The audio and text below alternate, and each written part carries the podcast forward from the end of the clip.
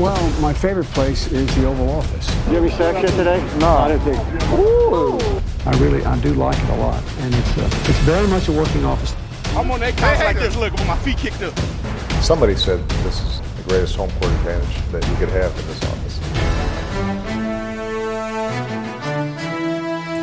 Velkommen ind for her i det ovale kontor. Det er op til her torsdag den 19. januar kl. lidt over 4 om eftermiddagen. Jeg er Mathias Bergqvist Sørensen, og med mig har jeg Max Skafte Vormegård. Hej Max. Hej Mathias. Og Thijs Jurang er også med os. Hej Thijs. God eftermiddag. Og sidst men ikke mindst, Anders Kaltoft. Hej Anders. Hej Mathias. Og du er ikke helt på toppen, Anders jo. Så vi, Det, det øh, vil være sådan at sige. vi skal lige passe lidt på dig i dag. Ja. Så hvis jeg, hvis jeg siger Og ting, det- der er meget mærkelige, Og det er ikke fordi dit hold tabte i weekenden, vel? Det er ikke fordi dit hold tabte i weekenden. nej, det havde jeg regnet med. Det, Nå, okay. Det kan også være, at Mark har det lidt dårligt, faktisk. Ja. ja. Jamen, det er ikke så sjovt at være lille i den her uge. nej. Men øh, jeg vil sige, det var, altså Ravens gjorde det bedre, end jeg havde regnet med, og burde jo have vundet den kamp, for at være helt ærlig. Men ja, et eller andet sted måske. hold vandt, sådan er det jo. Det er sjovere at være orange og sort, i hvert fald.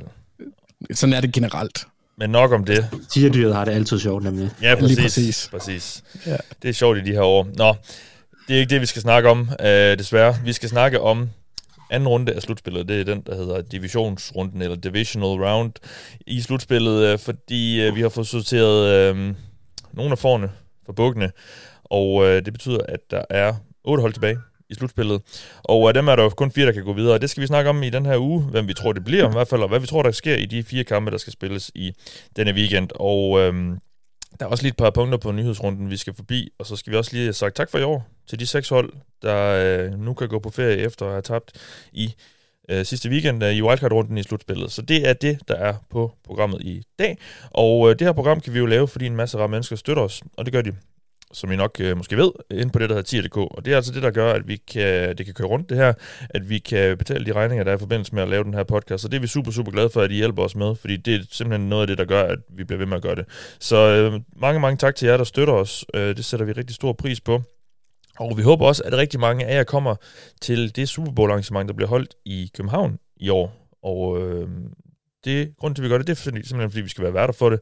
Så øh, vi håber også rigtig meget på, at, øh, at mange af jer kommer med, og øh, man kan altså stadigvæk nå at købe billet, men der er ikke særlig meget tilbage, særlig mange tilbage. Øh, det sidste, jeg har fået at vide her i dag torsdag, det er, at der kun er øh, 50 tilbage, så, øh, og det er altså ud af 350, så 6 syvende del af billetterne er altså solgt. Så øh, hvis du sidder derude og er i tvivl om, om øh, hvor du skal til Super Bowl, om du har lyst til at komme med, så er det altså ved at være tid til, at du skal, du skal tage en beslutning og, og få købt din billet.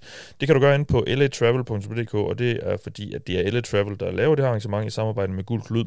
Og øh, det kommer vi altså til at stå i spidsen for, og vi har allerede holdt nogle indledende møder om, hvad vi skal, og vi, vi øh, satser på, at det bliver en rigtig, rigtig sjov aften. Vi skal nok i hvert fald øh, gøre vores til, at du øh, føler dig godt underholdt helt frem til kampen, og så derfor kan vi jo så ikke gøre så meget, så må vi håbe på, at de to hold, der skal spille, de øh, leverer øh, store spillere, touchdowns, og øh, jeg ved ikke hvad. Men øh, gå ind på latravel.dk og køb din billet, inden de øh, er udsolgt. Og det er de forhåbentlig lige om lidt. Øhm, vi håber på at se rigtig mange af jer, og så kan vi jo lige, øh, vi kan sige tak til jer for at lytte med, øh, fordi det er vi rigtig, rigtig glade for. Når de her, øh, lad os lige øh, vende et par ting, øh, fordi der er en del nyheder, og, og, øh, og lige at snakke om i hvert fald også nogen, der er nævneværdige. Det første, vi lige skal vende, det er, at Chargers de skal have fat i en ny offensiv koordinator. Og det skal de, fordi de har fyret den nu tidligere offensiv koordinator, Joe Lombardi. Og øh, Mark, det var vel lidt på tide, eller hvad? Fordi godt nok har vi jo set lovende ting fra Justin Herbert, men jeg ved, jeg ved ikke med dig, men jeg har det i hvert fald også sådan lidt, at vi ikke har set øh, alt det, han kan. Og det er måske i høj grad på grund af det angreb, han, øh, han er placeret i. Eller har været placeret Ja. i. Ja, altså jeg, jeg er sådan set ret enig. Øhm, det var på tide, og øh, det er synd øh, at have en quarterback som Justin Herbert, som i den grad, føler jeg, er, er blevet låst i den her sæson. Øh, vi har simpelthen set hans evner blive, blive brugt for lidt, og når jeg siger hans evner, så mener jeg, stræk nu den bane for pokker, altså, og, og, og, og, og hvad kan man sige, udnytte, at I har en, en, en ung quarterback med en stærk arm, som har et fantastisk overblik, og faktisk er ret sikker med bolden også. Øhm, han, han burde have fået meget mere ansvar i det her angreb, øh, synes jeg, og, øh, og Joe Lombardi har på en eller anden måde presset et system ned over ham, som jeg bare ikke det passer sgu bare ikke særlig godt til Justin Herbert, og det her, jeg synes også, det har ramt Chargers øh, i år, at, at, at, de, at han tit har, har skulle kaste sig kort. Altså, der var jo nogle, nogle helt forfærdelige øh, øh, billeder af nogle, øh, hvad hedder sådan nogle animationer. Jeg tror, det var allerede halvdelen i sæsonen, hvor man ligesom så, hvor han, hvor han primært placerede bolden, og hvor størstedelen af hans bolde var gået hen, og det var jo forbavsende så, så få gange, at han faktisk gik, øh, gik dybt, som vi ved, at det er det, han virkelig kan, og, og noget af det, som også er underholdende fodbold. Så øh, Øh, det var et mismatch, synes jeg, øh, og godt, at, at Chargers nu prøver at gå en anden vej. Forhåbentlig bliver det til det bedre for Herbert. Mm. Ja, og, og netop noget af det, du siger med, at øh, hvordan deres kastangreb var. Altså, vi har at gøre med en mand her, som har en, en kanon af en arm øh, på skulderen, og han kan lave alle mulige kast ned ad banen. Men han er så ja. i år er han den quarterback, der har kastet tredje kortest altså til sin receiver. Altså, han er simpelthen, der er, øh, nu skal jeg lige se her, når jeg kigger på PFF, der er 41 quarterbacks, der kvalificerer sig til at, og i den her statistik, altså nogen, der har spillet et, et vist antal snaps, og, og der, er der, øh, der er han så altså den, der har tredje, kastet tredje kortest. Altså det, er, det er jo helt vildt, 6,9 yards øh, kaster han i gennemsnit bolden ned ad banen. Øh, man kan og, og det er jo nærmest det samme roligt... Sidste år. Altså det er jo, det er jo, det er jo nærmest, øh, hvad hedder sådan noget, øh, mismanagement. Altså det, det er simpelthen... Øh, vandrygt. Ja. altså man kan, man kan jo sige, at, øh, at, at der er vist ingen tvivl om, at øh, Joe Lombardi er dybt forelsket i Austin Eckler, fordi det er jo så ham, som, som ligesom har været deres playmaker på angrebet på rigtig ja. mange måder, det har jo så også resulteret i, at han, at han har haft en, en flot sæson, men det er jo mange gange ham, som bolden er kommet til også på de der korte kast der, og det, det har været en sjov prioritet og en sjov iscenesættelse af det her angreb, når du har en quarterback med så åbenlyst et talent, som ikke som ikke bliver udnyttet. Jeg forstår det ikke, fordi Herbert har ikke lavet andet end at vise, at han har et overblik, som havde han spillet i ligaen i, i, i otte år, altså, og øh, netop som du også siger, en arm, der gør, at han kan lave kast, som, som ikke mange andre kan. Øh, ergo også derfor, at vi har været så vilde med Chargers, som vi har været.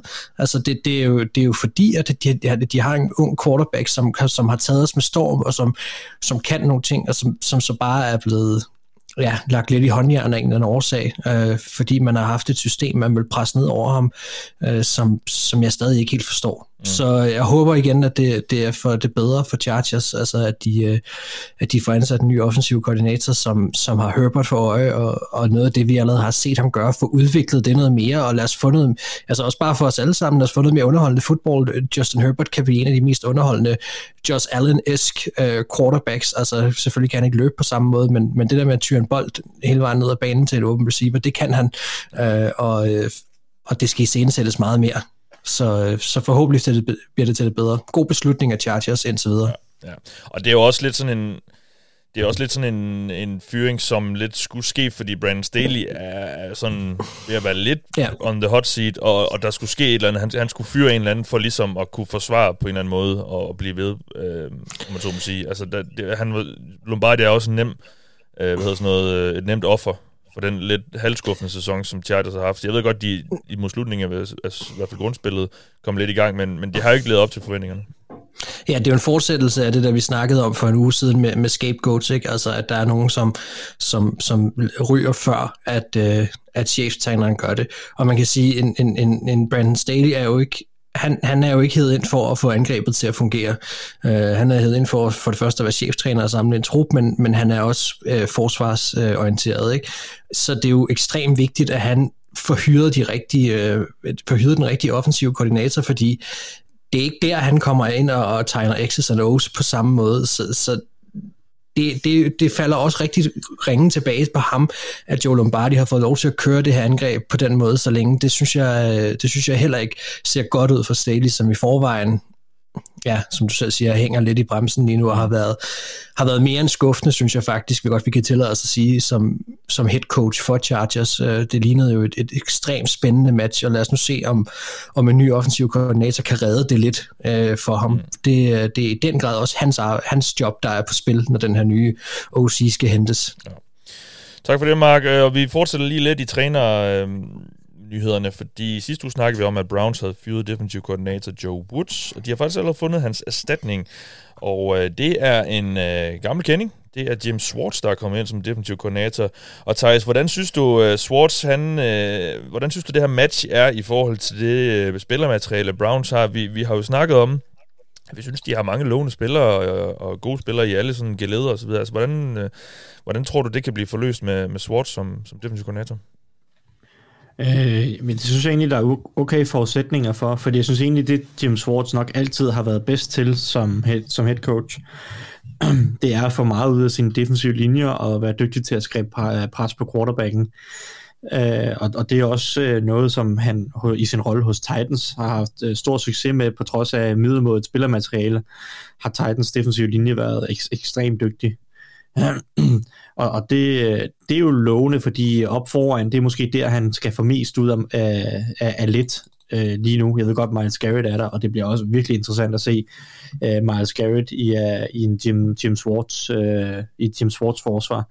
Øh, men, men rundt omkring Miles Garrett er der ikke ret meget lige nu, og der vil det være virkelig vigtigt, hvis Swartz han kunne skime pressure op, øh, så de ikke skal ud og hente bruge alt for mange penge og, og draft pick på kun at hente defensiv linjefolk stort set.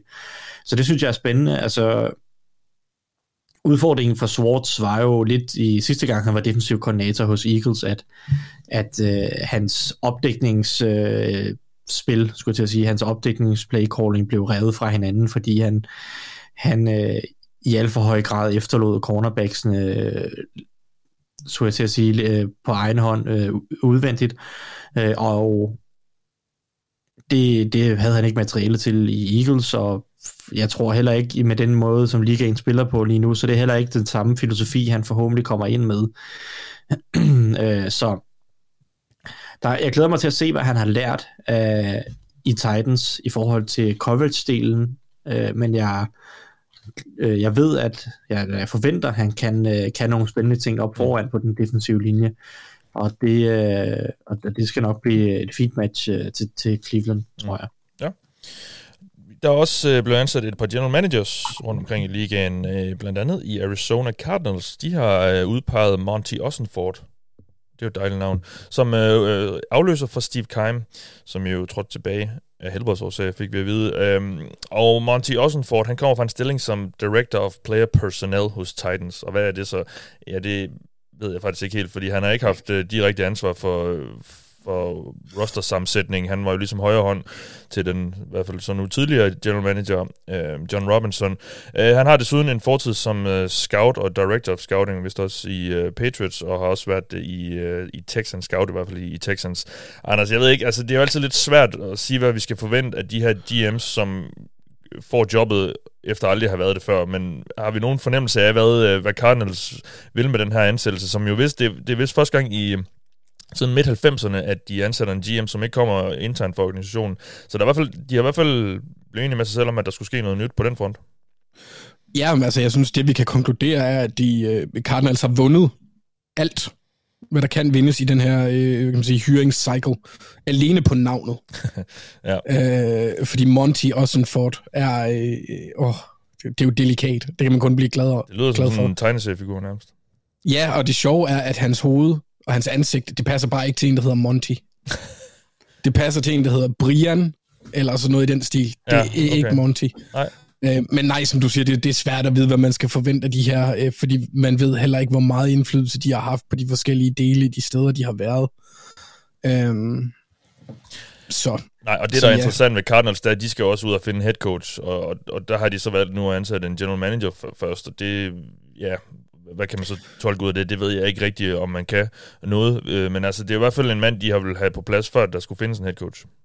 Ja, det, det siger måske lidt om, at de, de uh, går efter en up-and-coming coach, fordi hvis det var sådan, at de gik efter en mere etableret herre, den type plejer, som jeg har sagt efterhånden rigtig mange gange, vil gerne have noget indflydelse ja. på et punkt. Ja. Øhm, så, så det kan måske være et signal om, hvilken trænertype de går efter. Mm.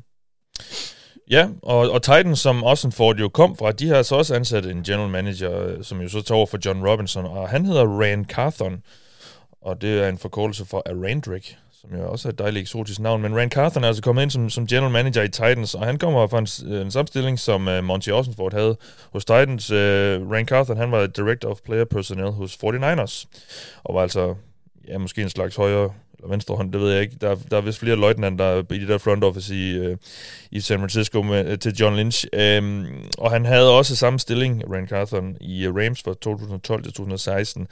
Og Mark, jeg ved ikke, altså, hvor meget vi skal forvente til Carthon, fordi han kommer ind på et hold, hvor det lader til, at Mike Rabel jo øh, har rigtig meget at skulle have sagt. Øh, der blev mange, der tolket med den der John Robinson-fyring, at det er ligesom Rabel, der har vundet en anden form for magtkamp. Så Carthon bliver måske bare sådan lidt en, en der skal eksekvere Rabels planer, eller hvad? ja, se, det er, jo, det er jo det, der er det spændende, kan man sige, at følge. Jeg har ikke uh, super meget viden omkring ham uh, ellers. Uh, Han er tidligere så. running back. Ja, men det er jo, det er jo, det er jo, det er jo fantastisk info at få. Uh, det ændrer alt. Ej, um, jamen, altså, Henry. Ja, det er selvfølgelig rigtigt. Man kan sige, der hvor det er interessant, det er det du peger på, det er den der magtkamp, der tidligere har været, og, og, og Rabel har jo højst sandsynligt været, været inde over det her også, og altså det, det er, jeg er lidt spændt på at se, om, om hvordan det kommer til at forløbe fremadrettet øh, for Titans, fordi han, øh, der er ikke nogen tvivl om, at Mike Rabel efterhånden har sat sig rimelig meget i organisationen som en, en figur, der der betyder meget. Og øh, det bliver faktisk ret interessant at følge, hvordan en ny GM falder på plads i det, og, og hvordan de to kommer til at samarbejde. Det kommer vi jo til at se øh, allerede i draften, øh, hvad, hvad de kommer til at gøre der. Jeg, jeg er ret spændt på det faktisk. Han er et lidt uskrevet blad for mig, så jeg, når man ikke har noget klogt at sige, skal man heller ikke gøre det. Øh, og jeg, øh, jeg ved ikke voldsomt meget omkring ham, men jeg er spændt på at se situationen i Titans netop på baggrund af sidste fyring af deres tidligere GM. De har måske ansat ham, fordi de synes, at Fort Niners har sat et rigtig godt hold sammen, og det kan man jo heller ikke rigtig i så fald klandre om for, hvis det er det. Men øh, om det er det, der lige øh, har været udslagsgivende, det, det er jo svært at vide. Det, især når man som ham jo nok kommer ind og skal have en eller anden assisterende rolle, i hvert fald i at skulle sætte holdet sammen. Men, øh, det, bliver det er jo det, ja. problemet, problemet med sådan noget der, når man skal, skal kigge igennem sådan noget der, det er, at de, de de nogle gange betyder noget lidt forskelligt hos klubberne. Ikke? Ja. Altså, nu sidder vi også og snakker om nu her, at, at det kan være noget helt andet i Titans, fordi Rabel sidder på meget af det. Altså, det, det, det er nogle gange lidt flydende. De kan godt være, der står det samme på visitkortet, men deres funktion er ikke altid den samme, og, og det kan være svært at kigge igennem. Øh, og så også øh, ros og sådan nogle ting, der kommer fra tidligere organisationer. Det, det kan også godt være svært at spå igennem, fordi de, øh, de fleste bliver sendt afsted med god vind, og, og om at de er de bedste i hele verden til deres job. Ikke? Så, så det er altid lidt svært at, at spå igennem, men, men lad os da se, hvad der, hvordan han, øh, om han kan øh, tage nogle af de ting, som du selv siger, 49ers har gjort med sig, fordi det har jo i hvert fald fungeret. Mm. Vi går videre til næste punkt øh, på dagsordenen, og det er altså, at vi skal sige tak for i år til øh, de seks hold, der er ud her i weekenden. Og vi starter i... Moose House, Peach House! Og Mark, øh, det er jo dig, der har fået til ansvar og skal vinde sløjfe på Seahawks sæson, efter at de røg ud til Fort Niners her yes. i weekenden. Og øh, for lige at give jer måske lidt sved på panden, og lige, øh, sådan lige øh, sæt, få gang i adrenalin, så sætter jeg et ur på, der, øh, okay. øh, der går i tre, øh, tre minutter. Og øh, hvis ikke du er færdig med at snakke der, så bliver du kørt ned af hype-toget. Yes, så Jamen, det er modtaget. Øh, dine tre minutter på skinnerne er hermed gået i gang. Tak. Jamen altså, vi snakkede jo allerede i sidste uge om, om Gino Smith, eller det gjorde jeg, øh, og altså, det er jo samlagt har det jo været en enormt overraskende sæson, øh, specielt selvfølgelig for Gino, men, men jeg vil også fremhæve øh, deres draftsklasse, øh, som virkelig, altså vi har virkelig set nogle rookies, der har steppet op for Pete Carroll på den offensive linje, øh, deres running back, og der har jo også været secondary, og særligt er Atterick Woolen, en cornerback, som har haft en ekstrem flot sæson, øh, og vist et kæmpe potentiale, specielt når man tænker på den størrelse, han render rundt med, ikke? altså et atletisk monster, og at nå slutspillet er for mig mere end godkendt. Altså det var som sagt i det tidligere program, at øh, langt over mine egne personlige forventninger til holdet, og, og de, altså, det var meget, meget, meget øh, overraskende og flot, at de, at de formåede at gøre, hvad de gjorde.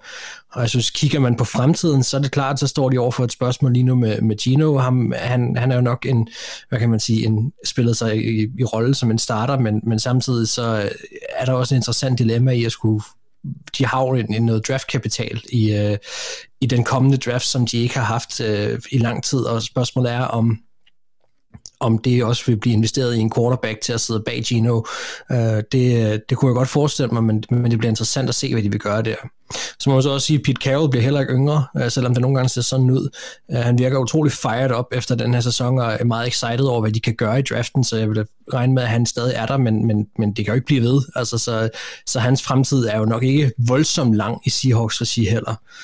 Øh, og så har vi altså den her øh, rookie-klasse, som jeg synes er, er enormt spændende, fordi hvis vi husker tilbage på det, der var med til at skabe det, der var Legion of Boom og det der Seahawks-dynasti, det var jo et par gode drafts, og specielt en, en enkelt årgang også, hvor man rammer i flere geleder, og øh, nu skal jeg jo ikke udråbe den her draftklasse til at være det samme, men, men det er sådan, man lægger et godt fundament, og, øh, og det er spændende at se, hvordan de her rookies vil blive ved med at, øh, at udvikle sig. Det er i hvert fald, der er i hvert fald lagt et fundament, eller nogle, nogle sten i, uh, i, i kakkeloven, har sagt, som, som kommer til at, at være spændende at følge, og som lige nu ser rigtig positivt ud for, for Seattle Seahawks. Ja. Uh, meget mere, end jeg havde tur regne med, at, at, at de, det var her, de ville være nu.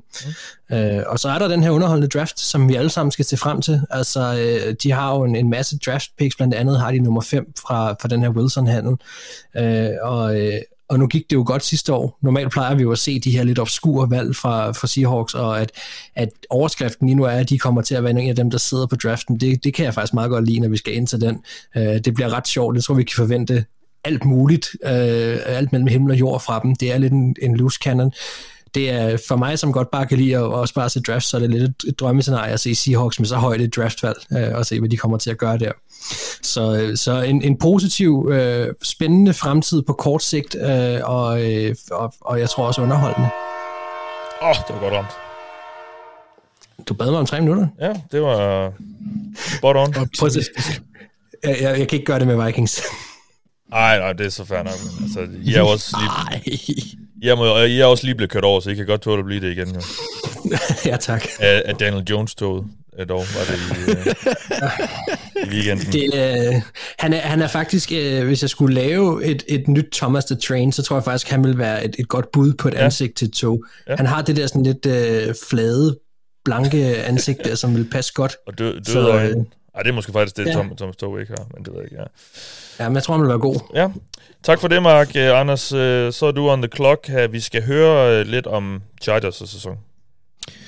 Jamen altså overordnet set kan man jo sige, at den var skuffende. Øhm, men med, med det sagt, så havde vi måske også lidt for høje forventninger. Igen. Øh, gående ind til sæsonen. Altså, de, de loadede op, det gjorde hele AFC øh, West egentlig på, på mange parametre, og der var, der var Chargers jo nok dem, der stak af med det, med det mest... Øh, øh, der fik bedst resultater ud af deres signings, når man kigger på Oakland og Denver, var, var jo fuldstændig nedsmeltninger. Øh, Chargers kom trods alt i playoffs i år i en division, hvor man i forvejen ville have sat Chiefs til at være nummer et. Så på den måde, så synes jeg måske ikke, at det har været så resultatmæssigt super skuffende. Det er mere måden, de er nået derhen på. Altså, Brandon Staley, øh, hans gode forsvar, øh, inden han kom til Chargers, det har aldrig rigtig manifesteret sig i, i LA, øh, den anden del af LA. og, øh, og de signings, de lavede nu, nu blev JC Jackson skadet øh, ret hurtigt, men han spillede forfærdeligt, inden han blev det. Øh, Khalil Mack har ikke rigtig været en difference maker. Deres forsvar øh, er stadigvæk rigtig skidt mod løbet. Så øh, det, det, det var ikke rigtig øh, det, man havde håbet på. Deres løbeforsvar var stadig dårligt. De er blevet lidt bedre. De er 29. i effektivitet i år. Sidste år var de 30, og nummer 10 i, øh, i på imod kastet. Ja. Så, øh, så altså, men, men igen, ligesom, ligesom øh, I kommenterede på med, med Joe Lombardi, der blev fyret. Altså angrebet var som at se øh, Jonas Vingegaard køre Tour de France på en trehjulet. Altså, det er jo unfair over for de andre, måske. ikke den, den der lille en, som, øh, som øh, børn kører rundt på. Nå, ja, okay. Så kan han ja, ikke vælge altså, på nedkørslerne, som han var lige ved et par gange.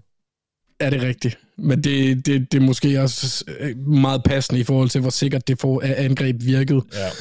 Ja. Øhm, de var også uheldige med nogle skader, og øhm, i løbet af det til, til, til wide receivers, blandt andet Mike Williams og, og Keenan Allen har begge misset tid. Så har der været nogle øje, med spøjse ikke, trænerdispositioner, som har gjort, at Staley han er lidt på, på vippen for tiden, og nok får en sidste chance. Så det, det, altså, det har været skuffende, men jeg synes måske også, at vores forventninger har været en, en kende for høje. Måden, de så røg ud på her i playoffs, har, har bare cementeret det, fordi altså, du skal ikke, du skal ikke smide, altså, der er et hold i år, der kunne finde på at gøre det samme, og de røg også ud, men, men altså, du kan ikke, du kan ikke lege Ravens og så smide en 27 points føring, eller Nej. var det Coles, der også smed den der mod Vikings. Det, det er jo fuldstændig absurd. Ja. Det, det skal ikke kunne lade sig gøre, særligt ikke, når du er en, en, en defensiv træner. Um, så det var øhm, afslutningen efterlader en dårlig smag i munden. Ja. Ja, og vi må jo måske nok sige, at Brand Staley går ind til næste sæson, øh, ja, det, det snakker vi selvfølgelig også om det før, men som en af de trænere, som, hvor der nok ikke er mega lang snor. Og det er jo en, lidt overraskende for os. Vi har jo øh, vi så en stor stjerne i ham i hvert fald for, da han blev ansat jo øh, for et par år siden nu, og, og haft rigtig høje forventninger til dem de sidste par år. Og som du også siger, måske også for høje, og det kunne de nærmest også kun være, sådan som vi hypede dem jo. Øh, så, men øh, det bliver spændende at se, hvad, hvad de gør i den her offseason, fordi jeg tror, Brandon Staley føler sig lidt presset, og der, der skal ske noget. Øhm, Thijs, vi skal høre lidt om øh, Miami Dolphins sæson, som øh, bød på op- og nedtur. De vandt meget i stimer og tabte meget i stimer. Hvad, hvad er sådan din øh, opsummering af, af det, vi så for dem? Jamen overordnet set synes jeg, det har været en, en strålende sæson for Dolphins på rigtig, rigtig mange parametre. Uh, Mike McDaniel er jo, kom jo ind og på alle måder har bevist sig som en af de bedste offensive hjerner i NFL. Uh, øh, på trods af en stadig dårlig offensiv linje, har den overhovedet ikke ødelagt noget. Uh, været ekstremt dygtig til at uh, maskere de udfordringer, den stadigvæk har. Uh, han har formået at iscenesætte Tyreek Hill, Jalen Waddle i ekstrem grad, og han der også øh, har nogle spændende supplerende våben, øh, som, som, også kan, som man også kan bygge videre på. Øh, ikke mindst, øh, det vigtigste af alt måske hedder det nok mere, at øh, så har han fået rigtig, rigtig meget ud af Tua i de perioder, hvor Tua har spillet. Øh, bekymringen for Tua er selvfølgelig de her hjernerystelser og, og skadesforløb. Øh, det er jo ekstremt bekymrende for hans øh, langtidsudsigter som NFL-quarterback. Øh, håber virkelig, at han kan, kan holde sig fri af, af, af flere hjernerystelser, hvis han kommer tilbage. Øh, det, det, det er jo ødelæggende for en karriere, øh, og virkelig, virkelig bekymrende. Men når han har været på banen, har vi set øh, Mike McDaniel får rigtig meget ud af ham, og kunne bygge et angreb op omkring øh, Tuas styrker, og de våben, der er omkring Tua, og det er jo ekstremt positivt. Det har været et rigtig godt angreb i år. Defensivt har jeg været lidt skuffet øh, på mange måder. Jeg synes ikke, at Josh Boyer har fået øh, nok ud af det her forsvar i forhold til, hvor godt det egentlig har været de fornærværende sæsoner, hvor Brian Flores øh, mest af alt har været i, i spidsen for det. De har kæmpet lidt med nogle skader i deres secondary, øh, og, og det udfordrer øh, hver forsvar, når de mangler nogle, nogle cornerbacks især. Men jeg har været en lille smule skuffet over deres forsvar, sådan overordnet set. Der skal de prøve at finde en, en bedre formel til 2023, om det så er nogle justeringer sådan taktisk, eller nogle spillere, de skal have ind Øh, ja, nævnligt måske i deres second, ja, navnligt måske i deres secondary. Men altså overordnet set, synes jeg jo, at, at Dolphins har vist sig at være et relevant hold, der kan spille med mod de allerbedste, øh, når de ellers har øh, en, en, en mand som Tua på quarterback. Og øh, de har jo på mange måder skabt fundamentet for en rigtig, rigtig lovende fremtid med Mike McDaniel, fordi øh, på hans egen lidt kuriøse og unikke måde, så virker han jo bare som en rigtig spændende og dygtig offens eller uh, head coach, uh, primært fordi han virkelig kan, han virkelig kan sammensætte et, uh, et angreb, der siger på to. Så jeg synes, ja. det har været en god sæson for Dolphins, selvom den ender lidt tamt, fordi de taber så mange kampe her til sidst. Uh, men det gør de jo, fordi Tua bliver skadet, eller Tua får uh, alt for mange jernrystelser, Øh, ja, og... så, så overordnet set positivt, men selvfølgelig ekstremt bekymrende, at Tua har fået tre jernrystelser på, ja, på en sæson. Ja, ja og øh, nu slap du for, for hype øh, men, men fremtiden afhænger jo også lidt af, hvad skal, skal der ske med Tua? Altså, han skal jo gøre sig nogle øh, alvorlige tanker nu om, vil han blive ved med at udsætte sig selv og sit hoved for det her? Og man kan heller ikke, man kan heller ikke øh, rigtig klandre Dolphins for, hvis de går også og tænker, hvad skal vi finde en anden QB, der måske er mere holdbar? Øhm, det, det bliver en lidt spændende offseason, synes jeg. For det, jeg ved ikke. Ja, på lang sigt. Altså, jeg tror jo, de vil nok bare sørge for at få en solid backup i år. Ja. Men det er jo klart, at de skal jo nok ikke... Øh, altså, de skal jo selvfølgelig være opmærksom på, at, at hvis Tua bliver ved med at få de her jernrystelser, så holder han jo ikke mange år. Mm. Øh, eller andre skader. Men altså, jeg, der er ikke nogen tvivl om for mit vedkommende, at de er all in på ture næste år, og så sørger de bare for at få en, en, en, en ordentlig backup, hvis ikke de er godt tilfreds med Skyler Thompson. Ja.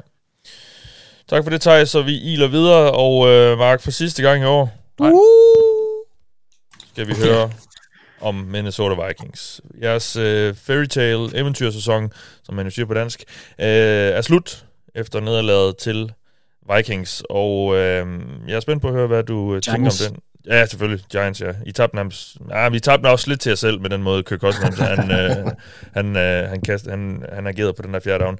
Ja, det er selvfølgelig Giants, de tabte til. Øh, Vikings sæson, jeg, jeg tror godt, vi ved lidt om, hvad du synes om den, og, og det har jo været en, en, vild, øh, en vild sæson, men, øh, men lad os så lidt om den. Ja, altså en crazy sæson. Øh, det har virkelig, må jeg bare sige, fra et fanperspektiv været ekstremt sjovt at følge. Altså enormt flotte øh, præstationer, og selvfølgelig de her comebacks, der har været, har jo været ja, historisk, det har de jo været. Øh, derudover så, så vinder de NFC North med, med, med 13 sejre i, i O'Connell og Crazy's øh, første sæsoner. Og der har været virkelig mange nye tiltag, som jeg må sige, jeg har været, været fan af, og har været virkelig rare at følge. Altså selv sidst på sæsonen, når man filmede ned på Kevin O'Connell, så kom der sådan en, en glæde nede i maven over, at det ikke var Mike Simmers sure ansigt, øh, jeg skulle kigge på. Altså, øh, det, der er en helt anden gejst på holdet, og man har kunne se, at de enkelte spillere har troet i en eller anden grad mere på projektet, end, end de har gjort i rigtig mange år. Så den der tiltrængte oprydning, der var i organisationen, eller er blevet lavet, øh, den har været god i hvert fald langt hen ad vejen, øh, og, og vi skal selvfølgelig også vende det negative, fordi forsvaret har jo så desværre været katastrofalt, øh, og, og vi vidste godt, at der ville komme en, en overgangsperiode til det her nye system, som godt kunne blive grim, men, men de kom aldrig nogensinde igennem den her overgangsperiode. De blev bare ved det. Og de veteraner, der har været på holdet, som har været opfostret i Mike Simmers system, de fandt bare aldrig deres plads her øh, hos Ed Donatel. Øh, og det er det, man kan sige, der er sindssygt ærgerligt ved sæsonen, det er, at, at angrebet kan virkelig, virkelig være godt. Jeg synes, Kirk Cousins har spillet en, en virkelig, virkelig godt i år. Øh, jeg synes også, han spillede rigtig, rigtig godt mod Giants. Christian Darisor slog for alvor igennem. Uh, øh, KJ Osborne har vi set kunne fungere, uh, kommer fra en special team, lige pludselig kan han fungere som en, en, en tredje anden receiver. TJ Hawkinson er en tilføjelse, som instantly finder kemi med, med Kirk Cousins, og det er jo nogle rigtig gode takter på angrebet, så har vi selvfølgelig Justin Jefferson, som, som sætter den her vanvidssæson uh, øh, i bogen. Og så er der bare forsvaret, og så, så det leder jo så også lidt til fremtiden, det der, skal man fyre et Donatel igen og ændre forsvaret, eller skal man beholde ham og, og, og få spillerne, øh, der er der til at, at, at, at få, forsøge at få spillere ind, som passer bedre til det system. Fordi det var jo det, der var en kæmpe del af det der med problemet på forsvaret, som jeg ser det, det var, at, at det afhang langt mere af de spillertyper i et forkert system, øh, som blev bedt om at gøre noget, som de enten ikke havde talent til, eller i hvert fald ikke udnyttede, hvad de ellers har. Øh, og, og den diskussion, tror jeg, man vil tage, nu har der allerede været lidt snak omkring det, at øh, Crazy O'Connell har jo allerede været at sige, at de internt lige nu overvejer alle muligheder, så vi ved ikke, hvad hans fremtid er lige nu. Et Donatels. Men, men, men altså, øh, både O'Connell og Crazy er jo, uden det skal lyde for poppet, øh, halvtungen på, på Analytics. Øh, og, og, og jeg kunne, altså spørgsmålet er, om de tror mere på det her forsvarssystem som et generelt forsvarssystem, eller man vælger at kigge på de spillere, man har, og forsøge at variere, øh, så det passer bedre til dem det, det er lidt spændt på, om man giver op på filosofi kontra spillere. Mm. Øh, og så, øh, så vil jeg så sige, at, at Vikings skal nok være aktuelle igen til næste år. Jeg tror personligt på, at de, de bliver bedre, fordi jeg kan godt lide det øh, lederskab, som er på holdet nu. Det er faktisk noget, det er aller, aller mest spændende at, at, at, at kigge på. Øh, og, og der har set et, et narrativ køre... Ja, nu bliver jeg kørt over. Ja, men fortsæt bare, hvis du har, har lidt mere.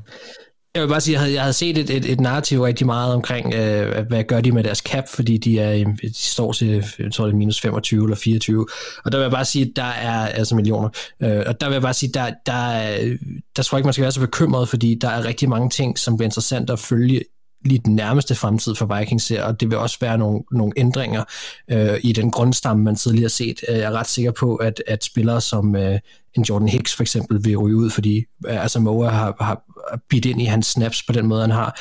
Jeg tror også sagtens, vi kunne se Dalvin Cook forsvinde, hvis de har en trade partner til ham.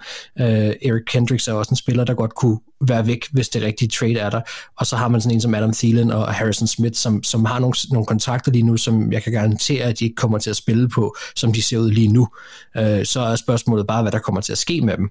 og, og jeg, jeg tror lige nu er de et sted, øh, hvor at deres cap-situation faktisk egentlig er, er okay, øh, fordi der er indlagt nogle, øh, hvad kan man sige, det er meningen, at man skal kigge på de her kontrakter øh, nu, at det er meningen, de skal restruktureres, der skal komme nogle void years ind, eller der er nogen, der skal, der skal afsted. Så jeg tror også, man vil se nogle ændringer, og det er bare generelt det, der er rigtig, rigtig spændende for Vikings fremtid, det er, nu har Crazy og O'Connell haft et år til ligesom at, at, at se, okay, hvordan fungerer det her, hvad kan de her spillere, hvad vil vi egentlig selv med det her hold? Øh, og hvad fungerede, og, når, og nu, nu får de lov til at tage endnu mere styring. Jeg er rigtig, rigtig spændt på deres off-season. Jeg tror, der kan, jeg tror faktisk godt, der kan ske en hel del. Øhm, men, øh, og så er der selvfølgelig Justin Jefferson, der skal betales, øh, og det, det kan han allerede blive nu, og de indledende snakke er begyndt, og må ikke, at, at der sker noget der. Du siger, de kan blive bedre næste år, men kommer de til at vinde lige så mange kampe? Mm, Ja, det, det, det, det er svært at sige, men, men, men det, er, det er jo heller ikke nødvendigvis et udtryk for, som vi jo så også har, har set her, at, at, øh, at man er et bedre hold. Altså, man kan sige, de, om de kommer til at vinde 13 kampe igen, det ved jeg ikke, men jeg tror, de kommer til at vinde over 10 mm. øh, stadigvæk. Og, øh, og om det så bliver 12 eller 13, eller måske 14, det ved jeg ikke. Men jeg tror, de vil blive, øh, blive toppen lige nu, fordi der var bare rigtig mange ting, der fungerede rigtig godt, og det, det var ligesom om, at, at det blev klart sådan halvdelen ind i, i sæsonen, at man kan sige, enten så skal det her forsvar begynde at, at, at, at finde en rytme, de ikke har fundet, eller ikke også, så, så skal der trykkes på en eller anden pauseknap, og så bliver det først til næste år, og desværre var det jo så det sidste. Øh, så øh, altså, jeg, jeg synes, der er rigtig mange ting, der ser positivt ud, fordi de har nogle unge talenter på, en rigtig, på nogle rigtig spændende positioner, og så har de en cheftræner og en, og en GM, som jeg i hvert fald tror rigtig meget på, øh, og, øh, og jeg, jeg synes, at Minnesota er kommet ud som et ret attraktivt hold øh, på baggrund af den her sæson, og hvad de potentielt set kan i fremtiden. Ja, tak for det, Mark. Og Anders, så er det jo din tur til at synge en svanesang for dit hold, som er Baltimore Ravens. Hvis du ikke havde sagt Baltimore Ravens, så havde det passet rigtig godt, fordi så kunne jeg have sagt frustrerende og usammenhængende. Ja, fordi det, det, det føles lidt som sådan, sæsonen har været. Det startede virkelig fedt på offense. Den, det, vi var i toppen i effektivitet i de første mange uger.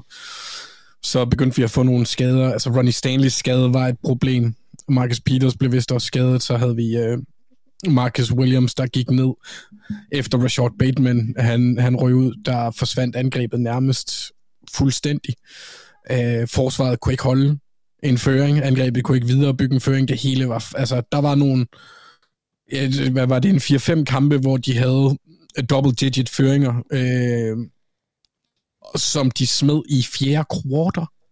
Altså double-digit føringer ved, ved, ved anden halvleg eller slutningen af tredje kvartal, som de bare... Hvor de, altså det der med at skyde sig selv i foden har været en ting, jeg har sagt meget omkring Ravens i år, og det har været meget kendetegnende, synes jeg det, det, det, man kan jo egentlig sige, at kampen mod Bengals her i weekenden var, øh, øh, var, var en god opsummering af hele sæsonen. Sådan selv når det kørte godt, så, så gjorde vi et eller andet fuldstændig åndssvagt dumt, der endte med, der endte med at i hvert fald sikre, at vi tabte kampen. Øh, der var nogle spøjse beslutninger undervejs, men altså, som sæsonen er forløbet, så synes jeg egentlig, at det har været okay. Øhm, Lamar Jackson missede en del kampe, når du, din startende quarterback ikke er med, så synes jeg da næsten, at det er, øh, skal vi sige, rigtig flot arbejde at komme i playoffs øh, som sådan. Og det er ikke fordi, at, øh, at det er en nem division, vi er i heller. Så, så overordnet set, så synes jeg egentlig, at det er, øh, det er godkendt, og måske ja, måske lidt mere skuffende, men det er jo også igen med det med det mente, at man havde nogle høje forventninger inden sæsonen. Mm. Fordi det var virkelig legnet op til at kunne blive en rigtig spændende sæson for Ravens, hvis det var sådan, de kunne holde sig skadesfri.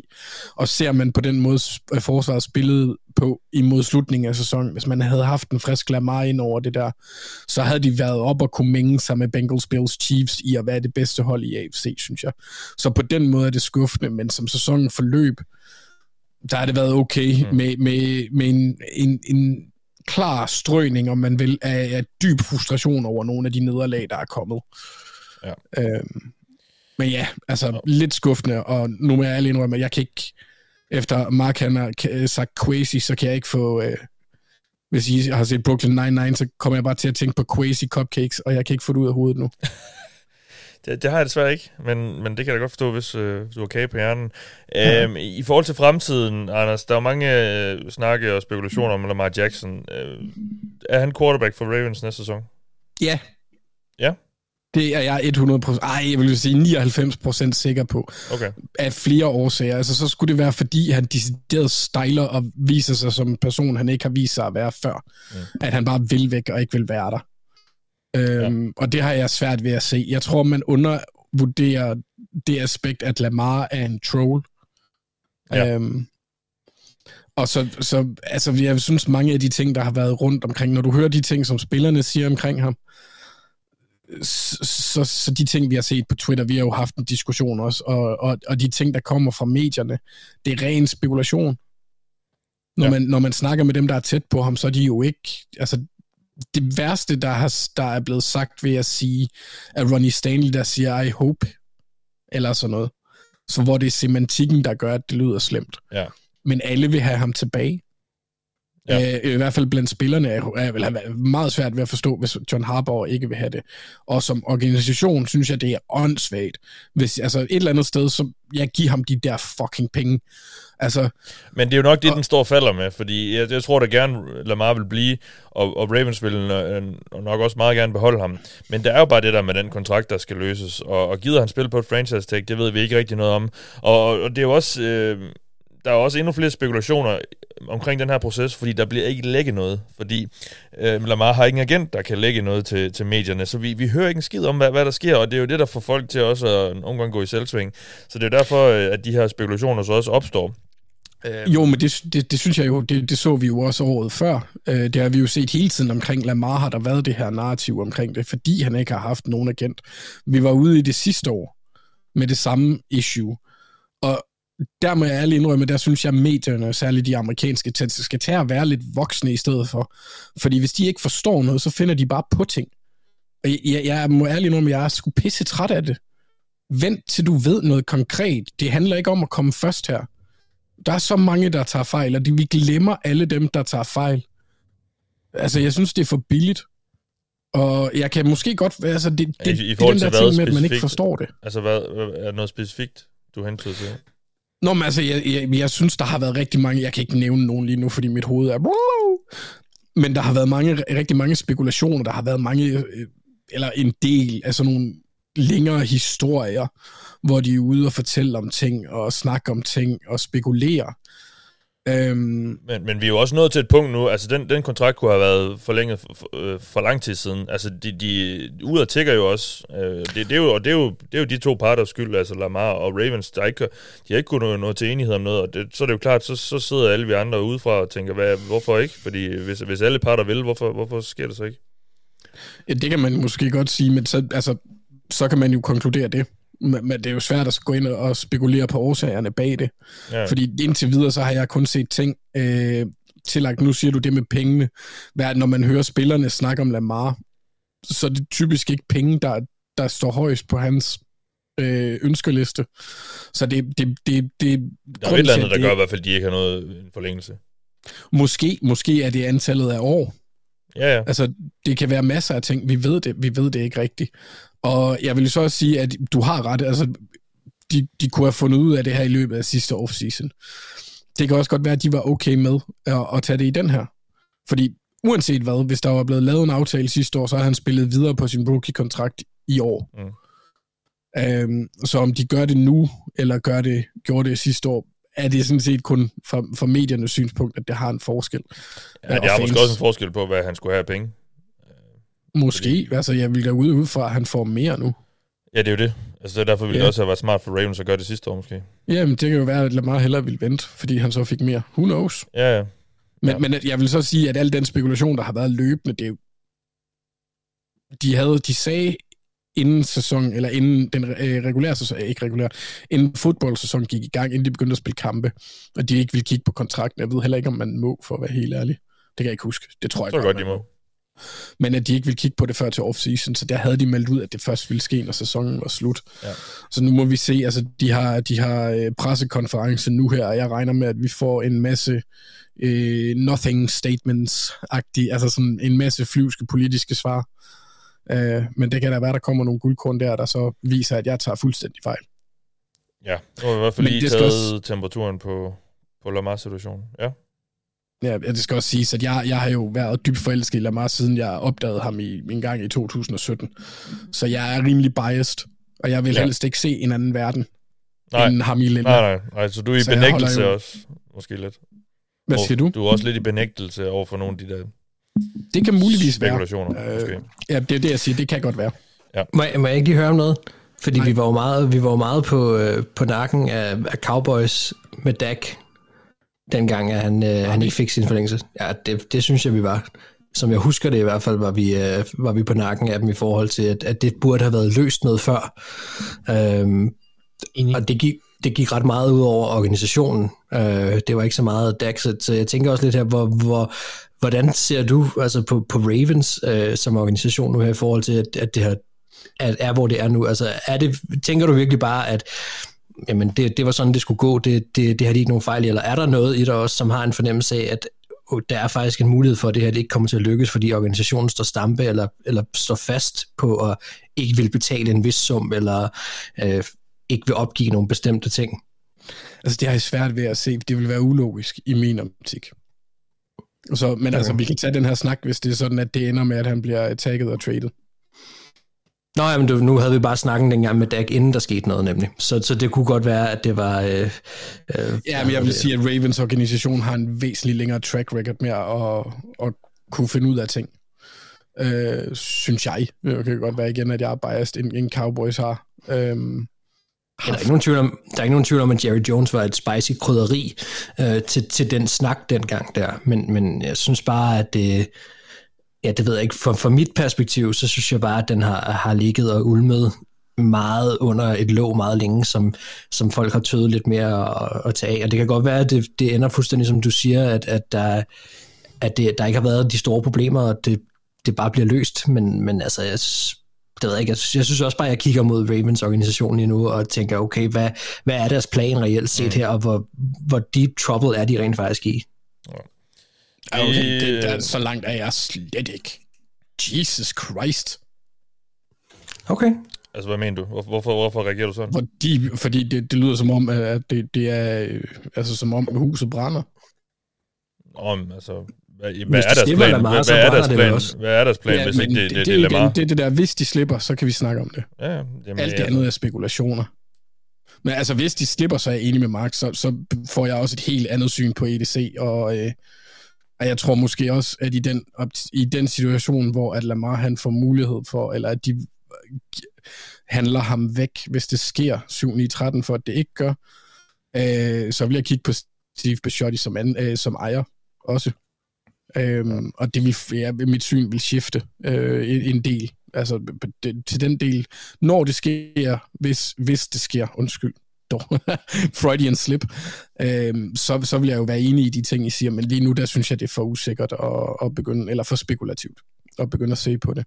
Ja, og lad os gå videre øh, i teksten. Vi skal have sagt farvel til det sidste hold, og det er Tampa Bay Buccaneers, Thijs. Og øh, mens vi har snakket her den sidste halve times tid, tre kvarter, så har de fyret offensiv koordinator Byron Leftwich. Yes. Så øh, der er også en uh, scapegoat der, øh, og det siger måske også lidt om, øh, hvordan det gik i den her sæson for dem. Ja, det har været en skrækkelig sæson. Der er nok få hold i virkeligheden i NFL, der har haft en værre sæson end Buccaneers. Uh, jeg er helt med på, at de vandt deres division, og, uh, og, og det er jo som, som, som udgangspunkt udmærket, men, men altså, spillet på banen har været forfærdeligt gennem alle øh, 18 kampe blev det vel til. det, det, er, det har været offensivt, defensivt, special teams, coaching, øh, spillere, der har skuffet hele vejen rundt, har, har, det, har det været skuffende.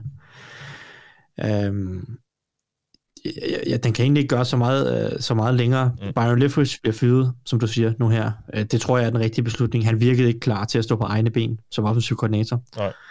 Øh, Tom Brady er nok ikke at finde i klubben mere. Det tror jeg heller ikke. De skal ud og finde en ny quarterback, tror jeg. Det giver selvfølgelig en spændende offseason. Øh, hvad de gør, hvad de kan gøre på quarterback, det har jeg ingen idé om. Men jeg tror ikke, deres quarterback er på, øh, på det nuværende roster. Øhm, men jeg tror, Tom Brady enten stopper karrieren, eller øh, finder et andet spændende hold, hvis der lige pludselig åbner sig en, en mulighed, han godt ja. kan lide. Ja. Øh, men altså, der, jeg synes, der er ekstremt stor pres på Todd Bowles til næste år. Øh, det, var en, det, det, det er ret utroligt, at, at det her hold med så relativt meget talent, og så få år fra deres Super Bowl sejr, øh, kunne se sig inkompetent ud.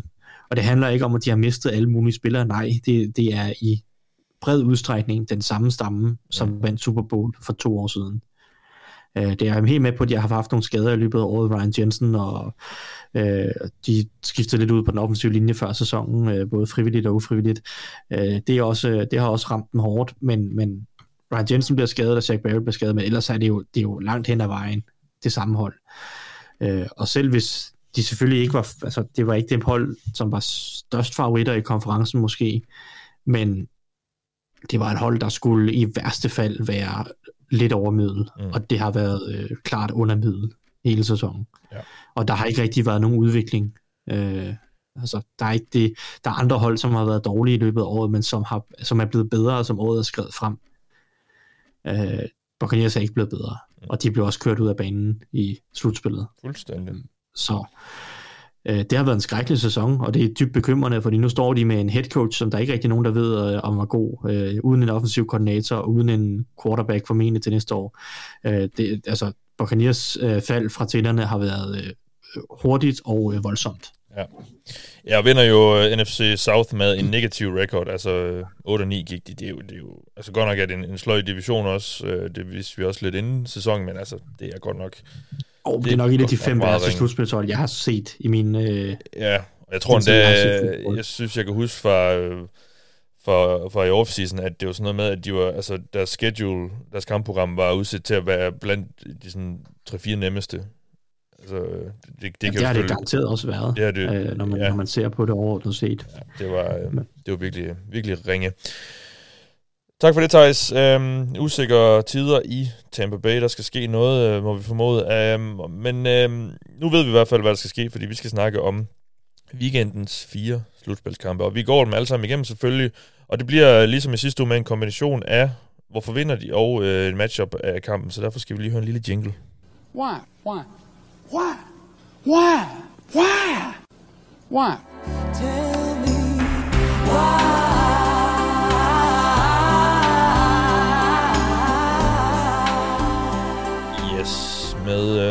Annie Lennox's bløde røst i ørerne, kan vi øh, gå i gang med øh, vores optakt, og øh, vi tager kampene i kronologisk rækkefølge, ligesom vi gjorde i sidste weekend. Og den første, der skal spilles, øh, det er altså Chiefs mod Jaguars. Chiefs, der gør deres entré i slutspillet efter at have siddet over i wildcard fordi de jo er første seed. Og Anders, øh, det gør dem også til eller måske ikke kun det, øh, det er også noget med modstanderne selvfølgelig gør, men de er de største favoritter her i, øh, i denne weekend, i hvert fald hvis man spørger bookmakerne, og øh, der, de fleste regner nok også med, at de slår Jaguars, men hvorfor gør de det? Jamen det gør de, fordi de har ligaens mest effektive kastangreb, og det kan Jaguars simpelthen ikke stoppe. Samtidig, øh, altså, de, de, altså, surprise, surprise, og de har, de har Patrick Mahomes og, øh, og Andy Reid, og det, det er, øh, det er Chiefs vej til sejr. De mødtes tidligere i år, og der var det også gennem luften, at, øh, at det blev afgjort. Nu er øh, Jaguars et bedre hold, end de var tilbage i, i november, hvor de på daværende tidspunkt var 7 og 3. Øhm, så det er jo selvfølgelig et andet hold, de møder. Jeg forestiller mig måske, at kampen bliver en anelse mere tæt. Øh, Chiefs vandt 27-17, hvis jeg ikke husker helt forkert. De var 3 7, ikke 7 Hvad? De var vel 3 7, var det ikke det, Jaguars? Jo, var det ikke også det, jeg sagde 7 og 3? Ja, bare lige for god. Ja, ja, ja, jeg mener 3 og 7, tak. Ja, ja. ja. Nej, de var ikke 7 og 3. Åh, fjollet ja. ja, ja. Og, ja. og der er ikke engang en roommate, der har haft højlydt sex, der holder mig vågen. øhm, så, øh, men, men, men altså, Jaguars har det, har det, de, de har det 30. mest effektive kaste forsvar, så rent DVOA-mæssigt her, så, så ser det jo forfærdeligt ud for, for Florida-holdet. Og oven i det, som Holmes også den øh, quarterback med den klart højeste EPA på play. Så sjovt nok er Chiefs vej til sejr angrebet. Samtidig så er det ikke fordi forsvaret er dårligt. Det er ikke godt, mind you. Det er middelmodigt. Men jeg er enormt, øh, jeg er enormt spændt på, fordi jeg forestiller mig igen sådan en, en shootout kind of øh, kamp, hvor at det, det bliver relativt højt scorende, i hvert fald som minimum i 20'erne begge to, sådan 24 og så op efter i point, hvis det skal være tæt. Og, og der er jeg så spændt på, fordi hvis, hvis Chiefs, de, hvis det ikke bliver en walkover for dem, så er det fordi, øh, og det her det er så mit matchup-mæssigt, fordi der, der har jeg været lidt, jeg har snydt lidt hjemmefra, og jeg har taget tre spillere, fordi jeg aner ikke, hvordan pokker de kommer til at håndtere det her. Øh, fordi Evan Ingram bliver et problem for, for Chiefs øh, matchup-mæssigt. Så der er det Nick Bolton, Justin Reed og Willie Gay. Om det, om det bliver man, øh, måske Trent McDuffie også ind over det, det vil måske være et lidt mærkeligt setup, men det kunne det være, fordi de har spillet ham en del i slotten. Øhm, han, er, han er bare fysisk et mismatch øh, over for, for Evan Ingram. Øhm, men hvordan de får stoppet det, fordi ind over midten, der er Chiefs ikke det, det, eller ind over midten er, at Jaguars er rigtig dygtige. At Chiefs er måske ikke super gode, men Jaguars er rigtig dygtige på det punkt. Øhm, og så, så, så hvis de kan få lukket det, den del af det af, så bliver vejen til sejr noget nemmere, og presset på, på angrebet øh, for at score point bliver lidt, lidt nemmere. Øh, og jeg kunne sådan set også sige spejl og vende den om, fordi der bliver det også Travis Kelsey mod øh, Devin Lloyd, og, øh, og hvad er det ham den anden, han hedder? Øh, den anden rookie, de to. Nå, Chad, men Chad Muma. Ja, øh, men, men uanset hvad, så, så i hvert fald Jaguars øh, øh middle linebackers i det område der. Øh, øh, det var, ja, Ulokun, det var ham, jeg tænkte på, men det var Chad no. Muma også. Men Ulokun og øh, Devin Lloyd, hvis de bliver presset i opdækningen, kan det jo også blive et problem, og så er, så er Kelsey jo også bare, altså han er jo en all-pro, han er, han er en superstjerne, så der skal virkelig noget til for at stoppe den del af det, og det, det tror jeg ikke rigtig Jaguars har mandskabet til. Øh, det bliver en kamp, hvor ligesom vi også så i, øh, i det første opgør, hvor øh, jeg mener, Doc Peterson han startede med at, at onside kick den. Øhm, det bliver en kamp, hvor Jaguar, hvis de skal vinde, så skal det være, fordi Chiefs laver ukarakteristiske fejl, og så stjæler de en possession eller noget. Mm. Så jeg, jeg, hvis Chiefs de gør, som de har gjort hele sæsonen, og spiller det der hyper-effektiv kasteangreb, så har Jaguars ikke en chance. Nej, okay. Lad os høre, om Thijs mener det samme, og fordi du skal jo fortælle os, hvorfor Jaguars vinder. Og du må ikke sige, at det er fordi uh, Trevor Lawrence ikke kaster fire uh, interceptions i første halvleg. Bare lige. Det, det er ret vigtigt for, hvis de skal vinde. Nå, okay. okay. At han kan være med det. Det kan han jo gøre, og han, han kan jo gøre det, og så vinder de alligevel. Ja. Tydeligvis. Mod, mod Chargers. Ja. Er jeg er ikke sikker på, at den går mod Chiefs. Nej. Det er bare, altså han må gerne prøve. altså respekt, hvis han prøver, men øh, jeg synes, det er en dårlig idé. Ja. Øhm, ej, den måde, Chargers, eller undskyld, Jaguars, ikke Chargers. Øh, jeg skrev de her noter øh, i pausen. Nej. øhm, den måde, Jaguars vinder over Chiefs på, det er, øh, det, det skal komme offensivt for Jaguars, fordi deres forsvar kommer til at være på en ekstremt svær opgave. Øh, det er der ikke nogen tvivl om. Det er op til Trevor Lawrence og Jaguars angreb at følge med. Men det synes jeg egentlig også, der er nogle forudsætninger for. Øh, hvad hedder det? Chiefs forsvar er på ingen måde skræmmende. Øh, hvis vi kigger på det hen over sæsonen, så er de 29. bedste DVOA mod kast hen over midten. Det vil sige fire, fire dårligste af alle hold i ligaen. De er 24. bedst, øh, altså de er bund 10 hold mod korte kast henover, altså korte kast generelt. Øh, det kan åbne nogle rigtig gode muligheder for Jaguars, som jeg også snakker om i sidste uge, som jeg synes fungerer bedst, når de kan i scene sætte Christian Kirk og Evan Ingram øh, på, de her, på de her spil hen over midten. Vi så dem også mod Chargers øh, gribe for over 170 yards samlet, og var en stor del af drivkraften, der ligesom holdt, øh, holdt angrebet kørende. Og jeg synes egentlig, at i forhold til, at Chiefs ikke er så gode til at stoppe de korte kast heller, synes jeg egentlig, der er gode muligheder for, at Jaguars kan spille på nogle af de ting, som de er gode til. For jeg synes, Jaguars angreb er bedst, når de er i rytme. Øh, Doug Peterson folder sig bedst ud, når han kan lave en masse, når, altså når timingen kører, og en masse korte kast, og så en gang imellem kan tage et skud dybt. Men, men han er jo ude af en West Coast øh, skole, Doug Peterson. Han kan godt lide timing, han kan godt lide at sætte øh, spillene op men, men det er korte kast. Og, og der, der synes jeg, der er gode muligheder mod Chiefs, som ikke er så stærke på, på linebacker øh, i opdækningen især. der er nogle muligheder for Christian Kirk og Evan Ingram til at, at få noget plads, og det var også det, Anders har nævnt lidt med Ingram. Det, det er nøglen for Jaguars øh, øh, til og, øh, og, og, og slå Chiefs forsvar og kunne følge med med Holmes. Øh, og man kan sige, at Jaguars hen over hele sæsonen overordnet set er det 6. bedste kasteangreb. Så det er et godt kasteangreb, Jaguars har. Chiefs kasteforsvar er 20 set over hele sæsonen.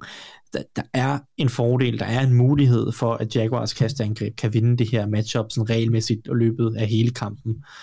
Og det, øh, det synes jeg, det, det, det er nøglen til sejr. Jeg vil også sætte fokus på Travis eh, Etienne. Ikke så meget løbespillet, fordi det har ikke fungeret så godt for Jaguars øh, i de mange af de seneste uger, men i kastespillet, der må være nogle muligheder for en hurtig spiller som Etienne, at, at bruge ham. Doug Peterson også dygtig til som regel at, at sætte nogle spil op til running backs i kastespillet. Det har han altid været dygtig til helt tilbage fra, da Doug Peterson vandt øh, vandt Super Bowl med Eagles. Jeg kan i hvert fald huske, at Corey Clement i den sæson greb øh, alt for mange yards i forhold til, hvor god en spiller Corey Clement var. Øh, men, men der er nogle muligheder, det skal der være mod netop Nick Bolton og uh, Willie Gay uh, på linebacker, at, at, at den her hurtige Travis Etienne, som er så farlig i, i, i space, at han kan blive senesat. Og Chiefs, de er det, for, de er det femte dårligste hold til at dække op mod running backs uh, i denne sæson mål på DVA i, i kastespillet. Så jeg vil sige, at Etienne i kastespillet er en nøgle. Hvis jeg skal nævne en ting på Jaguars forsvar, som kan tale til deres fordel, og det er måske sådan lidt matchuppet, hvis, hvis Jaguars skal have nogle store spil til at og, og måske øh, være heldig med en turnover eller et eller andet, så, så skal det næsten komme fra Josh Allen. Fordi Chiefs offensiv linje er generelt set rigtig god, men der er et lidt ømt punkt på højre tackle, hvor Andrew Wiley løber rundt. Han er deres dårligste offensiv linjemand, og der er kun tre tackles i ligaen i år, der har tilladt flere sacks end Andrew Wiley han havde det også meget svært i U18 mod Raiders øh, og, og Max Crosby. Der må være muligheder for Josh Allen, som øh, har været rigtig flyvende i, i de sidste par måneder, og også var rigtig, rigtig god mod Chargers, og jeg mener, han havde syv eller otte pressures og et sack og så videre, og, og var konstant øh, en, en trussel på de her Jaguars forsvar. Så hvis, hvis Jaguars forsvar skal lave nogle store spil, så må det være Josh Allen, og det matchup, han har over for Andrew Wiley. Øh, ellers så er det op til Trevor Lawrence og Jaguars kasteangreb at undgå de store fejl, som de lavede sidste uge, og så prøve at, at få scenesat Ingram, Kirk, og så tror jeg også, Travis Etienne har en rolle at spille den her uge, hvis Jaguars skal vinde. Ja, tak. Tak for det, Thijs. Og øh, vi går videre til den næste kamp, og øh, det er også et rematch. Faktisk øh, har de allerede mødt hinanden to gange i sæsonen, fordi det er mødet mellem Eagles og Giants, altså to divisionsrivaler, der tørner sammen her. Og øh, Mark, det slår mig egentlig nu, at det måske er lidt ondskabsfuldt, at du skal, nu skal du snakke om det hold, som, som slog dit hold i sidste weekend. Men altså, du har i hvert fald fået til opgave at fortælle os, hvorfor Giants vinder det. Bevidst, Mathias. Jeg skulle også sige, det slår dig simpelthen nu. Nu kender jeg dig også, jeg tænkte, det var helt bevidst. Men, uh... Jamen, det er helt ubevidst. Det, var, det er det, ja, og det, det, det, er faktisk, øh, det, det siger med, med uden at øh, hvad hedder sådan noget, øh, krydse nogle fingre eller noget som helst. Øh, det, øh, men det er jeg ked af, Mark, men, men nu er vi endt her, og du skal fortælle os, hvorfor Giants vinder den her kamp mod Eagles, hvor de også, øh, ligesom Jaguars er mod Chiefs, er ret store underdogs. Jeg vil lige sige, at øh, du, du ville heller ikke have kunne ramme mig noget særligt, for jeg, jeg er egentlig en glad nok fan, der har sluttet sæsonen med Vikings, så, så det er okay. Vidste øhm, godt, de ville tabe.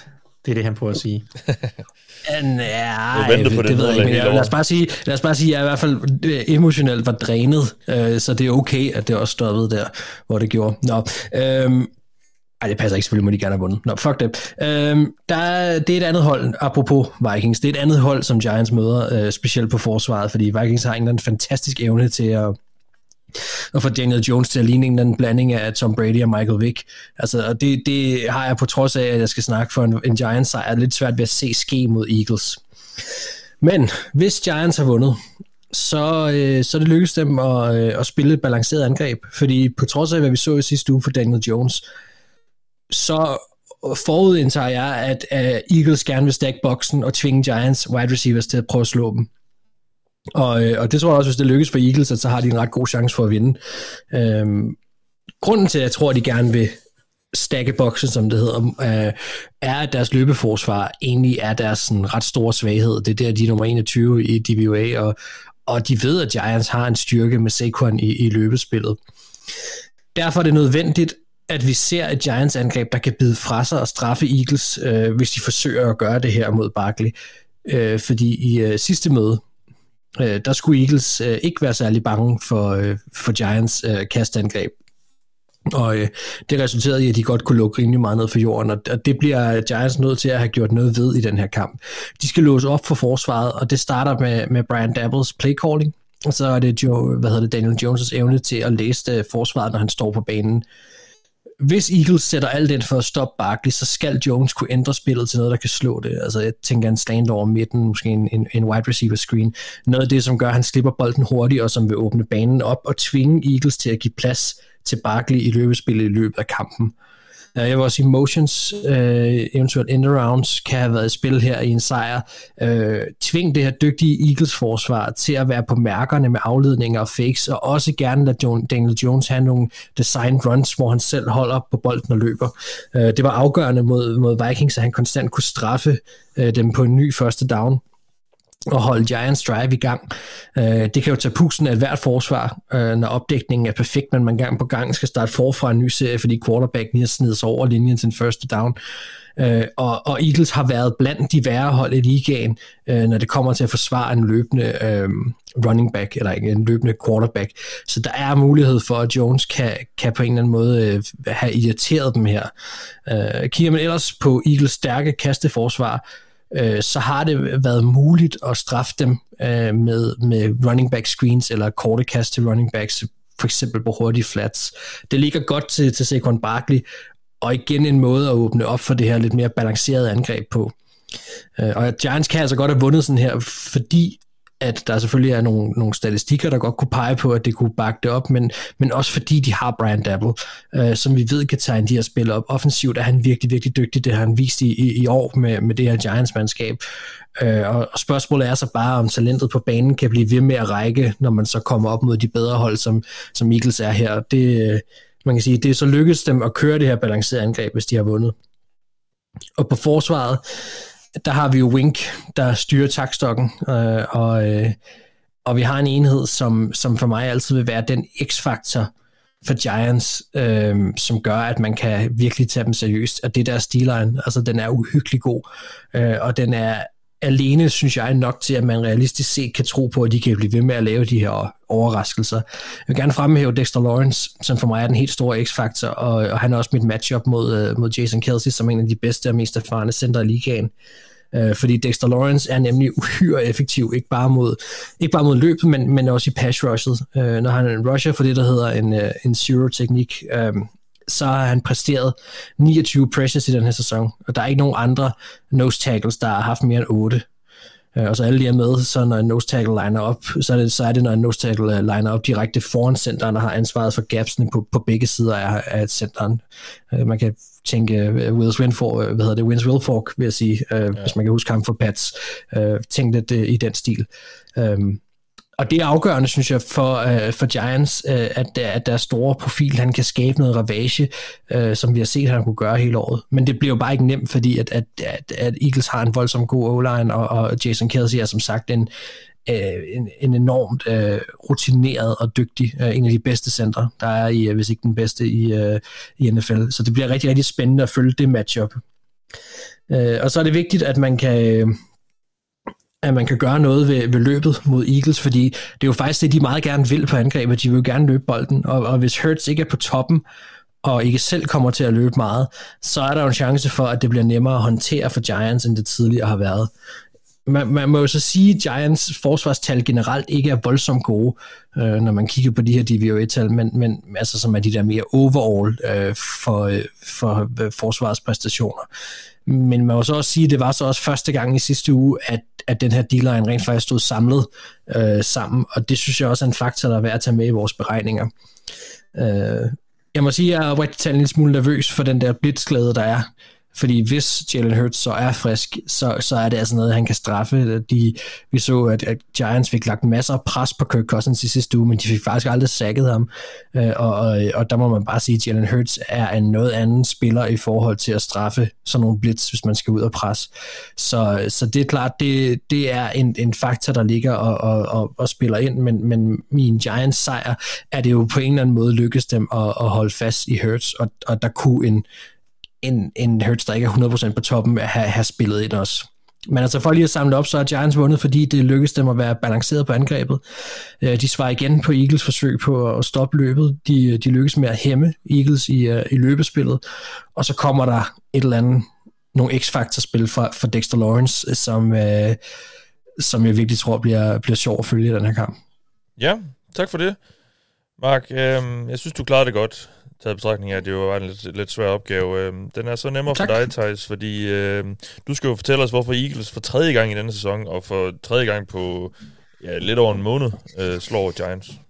Ja, Jamen, det gør det, fordi det er et ekstremt talentfuldt hold, der egentlig kan matche Giants på, Giants på alle Giants styrker, men samtidig har nogle egne styrker, som, som, som de kan udnytte mod nogle svagheder hos Giants offensivt for Eagles, så, øh, så er Giants forsvar bare ikke særlig imponerende, har heller ikke været det i løbet af året. Altså, Vikings havde jo sådan set heller ikke problemer med at flytte bolden i store dele af kampen. Øh, det var Vikings forsvar, der blev deres, øh, deres død i år. Øh, Giants har ligaens dårligste løbeforsvar, og et øh, undermiddel kasteforsvar i år det er ikke gode nyheder mod et rigtig godt løbeangreb, et rigtig godt angreb på Eagles, der har en, en, altså, muligheder og har vist det flere gange i år øh, mod hold med dårlige løbeforsvar, at de kan løbe midt over. Øh, selvfølgelig båret af deres øh, fantastiske offensiv linje. Derudover så er Giants styrke på forsvaret. Det er deres defensive linje. Mark har så fornemt øh, nævnt Dexter Lawrence, og han er også fantastisk, og var også en gigantisk øh, grund til, at de slog Vikings. Øh, Øh, og, og, og det er den her det, defensive linje anført af Lawrence, men også med gode spillere rundt omkring, med Leonard Williams og Thibodeau og så videre. Det er den, der skal bære Giants forsvar til, til sejre, fordi deres back seven ikke er øh, lige så skræmmende. Men, men, men det er svært at se, at Giants defensive linje kan blive en win condition mod Eagles offensive linje, som er, er ligaens bedste i år, som jeg ser det. Det, det, det er svært at se Dexter Lawrence overtage kampen på samme måde, når det er mod, øh, mod først og fremmest Travis, øh, ikke Travis Kelsey, Jason Kelsey øh, og Landon Dickinson øh, indvendigt på den offensive linje. Det er svært at se Kevin Thibodeau øh, gøre en kæmpe stor forskel mod mig, øh, Lata og, og, øh, og, og Lane Johnson. Det, det gør det bare svært for Giants at spille forsvar, især fordi at, at hvis de ikke får det pres på, så bliver deres secondary en lille smule exposed. Øh, at George Jackson havde en rigtig god kamp i sidste uge, men Eagles har bare flere, flere våben, end Vikings har. Det er fint, hvis George Jackson kan spille en god kamp, men de andre cornerbacks er ikke på samme niveau, og deres linebacker især er ikke på samme niveau. Altså, Giants linebacker er en joke at se på, i opdækningen især. Jared Davis og Jalen Smith er jo to linebacker, der ikke burde være starter på et NFL-forsvar. Og det er sådan har det egentlig været i en del år efterhånden. Men det er de hos Giants, fordi de ikke har bedre, og det er et gigantisk problem for Giants, ned igennem midten af banen. De er, det er ligaens næst dårligste hold mod Titans i år. Det er ligaens dårligste hold til at øh, dække op mod kast hen over midten i år. Altså hvis ikke Dallas at han får en stor kamp, så bliver jeg ganske overrasket. Og, der, og, og jeg er også virkelig nervøs for, at Eagles flytter AJ Brown ind i midten af banen, og så så fister han bare hele dagen. Altså det, det virkelig bekymrende for Giants, især så, hvis ikke de har det her pressure op foran til at, at, at maskere nogle af de problemer, de har nede bagved. Defensivt for Eagles, øh, så, så jeg ved godt, at Vikings forsvar øh, har fået øh, undskyld, har fået Giants øh, receiver til at se ret fornuftigt ud, men jeg vil stadig våge at påstå, at Eagles, øh, Eagles kasteforsvar burde kunne håndtere øh, en Isaiah Hodgins, en, en Richie James og en Darius Slayton øh, på receiver, øh, og, og, og så har Giants bare ikke ret meget mere at skyde med, så skal det komme fra Barkley, og så skal det komme fra, fra Daniel Jones selv med benene, og, og det, det er måske også fair nok, men, men hvis det, du kan ikke blive så endimensionel mod så dygtigt et hold som Eagles, og du kan især ikke blive så endimensionelt, når, når Eagles defensive linje er så giftig, som den er. Øh, jeg er virkelig bekymret for Giants evne til at dominere op foran øh, og, og løbe bolden mod, mod nogle af de store bamser, der er øh, derinde øh, på Eagles forsvar, og jeg er også virkelig bekymret for evnen til at beskytte Daniel Jones i, kaste, i, i kastespillet. Især Evan Neal har haft det svært i store dele af sæsonen, han havde det også mega svært mod Vikings, og han havde det også mega svært sidste gang, han mødte Eagles. Øh, og, og mod Brandon Graham og Hassan Reddick, som er to ekstremt dygtige og farlige pass rusher, så er det svært at se, hvordan at Giants offensiv linje skulle overleve i høj nok grad til, at deres receiver kan vinde matchuppet mod en, en dygtig secondary også. Så for mig at se overordnet set, Eagles vinder, for de er bedst i begge skyttegravene, plus de har bare nogle styrker, eller de har, de har så mange kort at spille på, at de kan eksponere nogle af Giants svagheder, især hen over midten af banen, og på nogle af de secondary op, op, opdækningsspillere, hvor Eagles har bare ikke samme problemer øh, på linebacker, eller i, sådan, i dybden af deres cornerback-gruppe, øh, til at, at Giants ville kunne gøre noget der, tror jeg. Så, så det for mig at se, der, der er Eagles, de har bare færre huller. Ja. Vi iler videre til øh, søndagskampene, og øh, der ligger vi ud med et øh, brag af en kamp i AFC. Og det er en kamp, som øh, vi jo desværre af, af tragiske om, omstændigheder blev øh, snydt for at se udfolde sig for par uger siden. Det er Bengals mod Bills. Denne gang er det dog i Buffalo, hvor øh, Bills altså tager imod Joe Burrow og øh, alle hans gode venner øh, med flere. Æ, øh, Anders, øh, du skal starte med at fortælle os, hvorfor øh, dit yndlingshold nummer to vinder den her kamp. Jamen, det gør de, fordi de har Joe Burrow og alle hans gode venner. Ja. Øh, ja, det vil, det vil jeg sige. Det, ej, det, jeg vil egentlig sige, at det er egentlig to hold, hvor de er meget balanceret, begge to. Og jeg vil, jeg vil egentlig tro, at en af dem, der, det, eller jeg vil sige, den, der kan gøre forskellen i den her kamp, udover Joe Burrow selvfølgelig, og så øh, hans gode venner, det er Lou Anarumo. Mm. Øhm, defensiv fordi, Ja, den defensive koordinator for Bengals fordi han er simpelthen øh, han, han får ikke nok ros for det arbejde, han har gjort, siden han som nærmest ukendt og ubeskrevet blad kom ind som øh, DC øh, øh, defensiv koordinator dengang, hvor øh, det nærmest var umuligt for dem at ansætte nogen, og vi gjorde jo grin med det, da de gjorde det. Ja. Øh, fordi han var en no-name, nobody fra, øh, jeg tror, hvad var han, secondary coach hos Miami. Ja. Øh, nej, jeg tror egentlig, han kom nej, hos Giants, var det ikke Giants? Det kan godt være. Ja. Okay. Han har, øh, han har også været i Miami. Ja, men det var der, han havde været med, med, med, med, med Zach Taylor. Ja. Okay, ja, ja men, men han, har, han har gjort det fremragende, så han bliver en win condition, hvis, øh, hvis han kan øh, presse Josh Allen. Jeg tror egentlig, at den defensive linje godt kan gøre det for sig selv. Øhm, og hvis de igen, Buffalo har meget fokus på, øh, på, øh, på at, at give bolden til Stefan Dix, så gør det måske mulighederne lidt nemmere ved, at man kan mm, at, at forsvaret, fordi det er jo ikke, fordi Bengals har nogle store stjerner bag den defensivt. Jo, Jesse Bates er jo er rigtig god, men ellers er det jo ikke nogen dominerende spillere, de har, så det bliver en holdpræstation, der skal sikre dem på forsvaret. Og der bliver det, så kan det være bracket coverage øh, i forhold til at, at dække Stefan Dix op, og så, øh, og så håbe på, at, øh, at Gabe Davis han har skruet hænderne forkert på den dag, for det sker relativt ofte, at de ikke helt, helt sidder, som de skal. Mm. Men ellers så handler det også om, at Joe Burrow, han øh, formår at håndtere presset, for det kommer der nok. Selvom, selvom om, om Bills er ret lave i, i pressure rate, siden Von Miller han gik ud de 27. Tak for, for statssending til Tejs, der lige skrev til mig i går morges øhm, når de sender fire eller mindre, så de er nærmest tvunget til at blitse. Og, de har så måske rimelig gode muligheder mod den her Bengals-linje, som er ret hullet. Ja, den er halvramponeret. Øhm, det er både på den, øh, både off, øh, hvad hedder det, højre tackle, højre guard og venstre tackle ja. er nye spillere, ikke? Jo. Øh, det er Jackson Carmen, der er en synlig skal spille venstre tackle, ham der ikke kunne klare sig på guard. Øhm, og så er det Adeniji og øh, Max Sharping, der, Max Sharping, der skal spille højre guard, og jeg hørte en podcast, hvor de sagde, at de kunne nærmest lige så godt stille op. Æh, lidt ligesom Mark han sagde om et Ingram, de kunne nærmest godt, eller var det Claus, jeg kan ikke huske det, stille op uden guards. Øh, det er så ikke helt sandt, fordi Cordell Wilson på venstre guard har egentlig gjort det ganske fornuftigt hele året. Øh, rookie, øh, som de valgte i fjerde runde. Ja. Øhm, ved siden af Ted Karras. Så jeg, jeg, Bengals de vinder, fordi Joe Burrow han er en genial læser af spillet og fordeler af bolden. Og så har de hans gode venner på kant. Jeg synes, det er en meget godt udtryk. Det får mig også til at vinde. Øh, eller det minder mig om den der øh, øh, vennernes vej reklame fra Hjemmis. Øhm, den kan jeg ikke engang huske. Men de har... Ja. Jeg kan ikke engang huske den. Okay. Kom ud og lege, kom ud og lege. Hjemme i spilen er på vennernes vej. Nej. Jeg tænkte, nej, nej. Nej.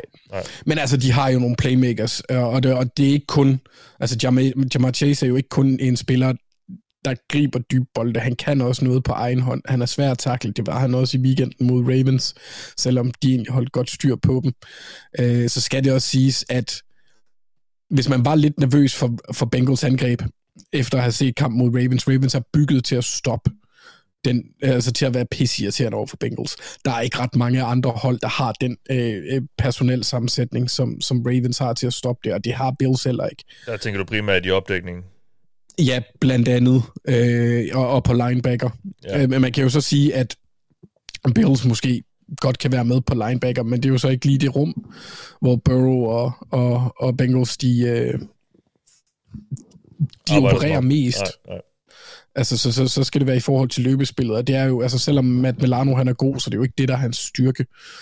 Øhm, men jeg, går, jeg, jeg, jeg, jeg, jeg tror på, at en spiller som Tyler, det kan endda være en af de perifære spillere, som ham der, øh, Trent Irvin, ja. eller hvem pokker det nu er, der, der, der kan komme og lave spil fra, fra tredje positionen, hvis de fokuserer for meget på Chase og Higgins. Øhm, men altså, Bengals har for mange playmakers til, at det, det forsvar kan stoppe dem. Og samtidig så har vi også set Josh Allen være nød. Altså, nu sagde jeg lidt for sjov i sidste uge, at uh, Buffalo vandt, hvis de tog det stille og roligt. De valgte så ikke at tage det stille og roligt. Og der vil jeg så også pointere, at Buffalo er mere tilbøjelig til at skyde sig selv i foden, end Bengals er. Um, ja, Josh Allen, jo, især. Ja, han, han, han tager nogle spøjse beslutninger en gang imellem. Og øhm, han har... Øh, før i tiden, der var det... Der blev du straffet, når du, når du blitzede ham. Det gør man ikke i samme grad i år. Øhm, så, så jeg vil ikke... Og, men nu er Bengals heller ikke et, et, et blitz-happy hold. De har jo deres defensive linje, der er relativt stærk med de to edges, og DJ Reader, der er et beast! Øhm, og alene på grund af Reader behøver de ikke at satse alt for meget på at stoppe løbet, også fordi at Bills ikke er vanvittigt dedikeret til det. Øhm, og Josh Allen har en tendens til at kigge dybt lidt for længe og ikke tage de nemme yards. Så jeg tror godt, at Bengals de kan spille den her ved at spille lidt sikkert og så satse på deres playmakers. Men jeg er meget spændt på at se, hvordan de tilgår Jamar Chase, om det bliver Trey White, der skal, der skal følge ham, eller om de laver det til en holdopgave. Så altså mit, mit matchup er lidt, hvordan altså det er Trey White mod Jamar Chase, LSU uh, øh, connection. Ja. Um, og så eventuelt også uh, Greg Rousseau mod Jackson Carmen, for jeg er spændt på at se, hvordan han, han ender med at gøre det. Det var, det var okay mod, ja. mod Ravens. Jeg tror, jeg tror ikke helt, vi kan udelukke, at de rykker Identity over på venstre tackle, uh. og så uh, Isaiah Prince ind på højre. Han har uh. spillet højre tackle uh, sådan lidt on-off jo, i, i, i, i Super Bowl sidste år og Prince. Øh, så, så det er også en mulighed. Der er ikke sådan helt klar melding endnu. De, de holder øh, kortene lidt tæt ind til kroppen øh, omkring det, øh, Bengals. Men, øh, men ja, uanset hvad, det er jo ikke noget, man går ind med mega meget øh, tro på lige umiddelbart. Men, men det, det så faktisk udmærket ud mod Ravens, der kan man kom ind. Altså, det, det er i hvert fald, ikke, i hvert fald bedre, end man kunne have frygtet, vil jeg sige. Ja, og det, og det, er, det er jo egentlig det er jo skide synd, fordi det var netop den forbedrede offensiv linje, der ligesom øgede øh, Bengals' Jamen, det ved jeg, muligheder vil jeg ikke sige. Nu kom de jo til Super Bowl sidste år, så det lyder jo lidt forkert. Men gjorde dem en mere sikker sejr her i de fleste kampe. Det gjorde dem til, til favoritter ikke underdogs. Ja. Øhm, jeg har sgu lidt svært ved at placere dem i den her, fordi jeg vil jo gerne have... Altså, øh, jeg har en eller anden fornemmelse med, med Bengals, men, øh, men den er svær på grund af de skader der. Ja. Ja, tak for det, Anders, med, når du har med. Nej, nej, nej, nej, nej. nej. Vil du, øh, vil du lige stemme lidt så? Øh, fordi nu skal vi høre fra, øh, fra Mark. Øh, du skal fortælle os, hvorfor øh, Bills får skovlen under Bengals. Ja, og, og nu snakkede jeg jo øh, imod Bengals i sidste uge, da de skulle spille mod Dolphins. Øh, og der snakkede jeg om Josh Allen og hans uh, turn, turnover-worthy plays. De kom jo også, der kom også turnovers, må man sige. Uh, man skal selvfølgelig bare tage højde for, at Allen så kan vende alting på hovedet lige bagefter. Et sack eller en turnover. Uh, og, og, og det var der altså et par gange, hvor uh, altså, Dolphins rent faktisk ramte Josh Allen, og det lignede, at de havde den rigtige opskrift, og så går han bare ud og kaster en 50-yard bombe og, og tager alt pusten ud af forsvaret. Altså det, han er så vild at se på, og han må være en pestilens at spille imod. Øh, og det er altså det her unikke angreb, øh, som Binkel står over for, og, og, og hvad klichéagtigt det end lyder, så er Bills først slået, når, øh, når det sidste fløjt har lyttet. Altså, de bliver ved, ved og ved, og det kræver enormt meget af den NFL-forsvar at spille mod en quarterback som Josh Allen, som kan slå dig på alle tænkelige måder på en fodboldbane. Øh, og det er, det er lidt sådan en pick your poison-tilgang, man bliver nødt til at have. Um, så på angrebet, lad os bare starte der, der vil vi se en Bills sejr, øh, hvor at øh, Stefan Dix og Josh Allen har, har fortsat deres fantastiske kemi og lavet de store spil. Vi så i sidste uge, hvordan Eli Apple kan rammes for Bengals, og mod, øh, mod Stefan Dix, der bliver han testet igen. Og så er spørgsmålet, om han kan gang på gang vi blive, kunne, vi, kunne blive ved med at levere en overraskelse, øh, fordi at øh, han vil nok blive testet en del, og som jeg sagde tidligere, så, så er Josh Allen altså bare en spiller, som, som glemmer øh, sidste spil med det samme, og går ud og, og, og bare gør præcis det samme igen, som man ved, han kan, og det er at enten tyre bold ned ad banen, eller i hvert fald stole på, at, at receiveren kan lave det store spil. Øh, så i en sejr, så har Stefan Dix trukket sig sejrigt ud af, af det matchup. Og så bliver jeg også nødt til at nævne øh, Dawson Knox, der i de sidste fem kampe i stregen nu har fundet modstanderens endzone. Altså han har været ret vigtig for Josh Allen, når de er kommet i red zone. Og, og Bengals har jo selvfølgelig vist, at de godt kan håndtere Titans øh, seneste Mark Andrews. Men hvis vi kigger på det mod Ravens, så havde de bare heller ikke så meget andet på angrebet at koncentrere sig om. Øh, og det er der trods alt hos, hos Buffalo Bills. Øh, så, så derfor er den her kemi, som er mellem uh, Dawson Knox og Allen i, i red zone, endnu en årsag til, at Bills har vundet den her kamp. På forsvaret, altså kigger man på scoren alene mod Miami, så kunne man jo godt være fristet, og det har jeg også set mange være, til at sige, at uh, uha, det må være en, øh, et svagt uh, Bills forsvar, som opgiver så mange point til Skyler Thompson. Men jeg vil så også sige, at til dem, der har set kampen, og det, de ved jo så godt, altså, at, at, at det var Bills angreb, øh, som konstant blev ved med at give bolden op. Øh, og, og på de drives, hvor Bills forsvar rent faktisk havde, hvad kan man sige, normal field of position, og øh, ikke kom ind på en turnover, øh, der leverede de varen øh, flere gange. Altså Skyler Thompson fik nærmest støttehjul på i sidste halvdel af kampen, og Øh, at playcalling blev super konservativ. Det var nærmest som om, man ville øh, leve med, at, at forsvaret skulle vinde kampen, og han ikke skulle begå fejl. Øh, og, og til den her kamp mod Bengals, der har jeg så et par fokuspunkter, der er værd at bygge på derfra. Øh, I har allerede været inde på det, og, og det er jo selvfølgelig en kæmpe winning condition. Det er, at Bengals O-line er ramt, og det er den altså, seneste, det er Jonah Williams, øh, som er, er, er ude, og det bliver en backup left tackle. Øh, altså, Bills pass rush har over sæsonen, og det er klart, der var et kæmpe skift, da Von Miller gik ud, men de har vist nogle tænder, og et Oliver er et based, øh, vi så sidste uge, Boogie Basham også, og, og Gregory Rousseau, øh, altså mod den her Bengals O-line, der vil jeg ikke være så bekymret for, at det nok skal lykkes dem at få, få lagt pres på Burrow. Og så har de, og det, det må jeg jo så sige, altså de har Matt Milano, som er fuldstændig fantastisk. Altså nu har vi hyldet ham de, i den her podcast ved de sidste par sæsoner, men, men den her sæson, han har haft i år, er, er, er virkelig, virkelig en ny højder. Altså, og han kan dække op, øh, og han kan blitse, det har vi også set, og han kan bare generelt set lave de store spil. Det er sådan en spiller, han er, og det kommer selvfølgelig til at have betydning i en sejr, øh, hvor at, at alt er på spil på den her måde. Øh, og så har vi øh, mit matchup, altså Matthew Davis White mod Jamar Chase. Øh, vi så, hvordan, ja, nu vil jeg sige, Tyreek Hill til dels, men specielt Jalen Waddle konstant blev spillet øh, i sidste uge, altså blev spillet godt af øh, Travis White. Øh, altså Waddle, han, han lignede en skygge af sig selv, han fik slået bolde væk, og jeg tror også, det lykkedes Travis White at komme ind i hovedet på ham, fordi der var også et par bolde, han aldrig ville have tabt normalt, som, som det løser ham at tabe. Det, der blev bygget en frustration op, og det er et matchup, som, som bliver værd at følge, fordi selvom at at som I siger, Burrow har nogle gode venner, så er der ikke nogen tvivl om, at Jamar Chase er hans, hans bedste ven, eller i hvert fald hans bedste våben. Og, øh, og selvom at, øh, at han selvfølgelig har dem her vælge med, så synes jeg, det har enormt meget betydning for kampen, hvordan den her matchup kommer til at foregå, fordi øh, kan, kan det lykkes for Davis White bare at tage øh, Jamar Chase en, en god del ud af kampen, oven i den her O-line, som i forvejen er skadet, så han ikke kan være en sikkerhedsventil, så er det noget øh, mere interessant for Bills forsvar. Og spørgsmålet er så, om, om Joe Burrow var tvunget til at kaste øh, mere over midten, end han normalt gør, og så er det så der med Milano, han romer. Så, så der er nogle ting der, som jeg synes bliver rigtig, rigtig spændende at følge. Øh, men altså for at opsummere, Bills har vundet den her kamp, fordi at Josh Allen, han er en unik quarterback, som kan slå dig på, på de måder, som, som han vil. Altså, han har en magisk forbindelse til sin, øh, til sin wide receivers. Øh, de skal selvfølgelig skrue hænderne rigtigt på, men har de det, så skal han nok lægge bolden der. Øh, og så, øh, så, så er det det der med, at, at du kan tro, at du har ham i sækken, og at det kører, og så går han bare ud og, og kaster øh, en bold dobbelt så hårdt øh, på næste spil, og dobbelt så langt. Altså det, det er virkelig en, en, en voldsom øh, quarterback at spille mod.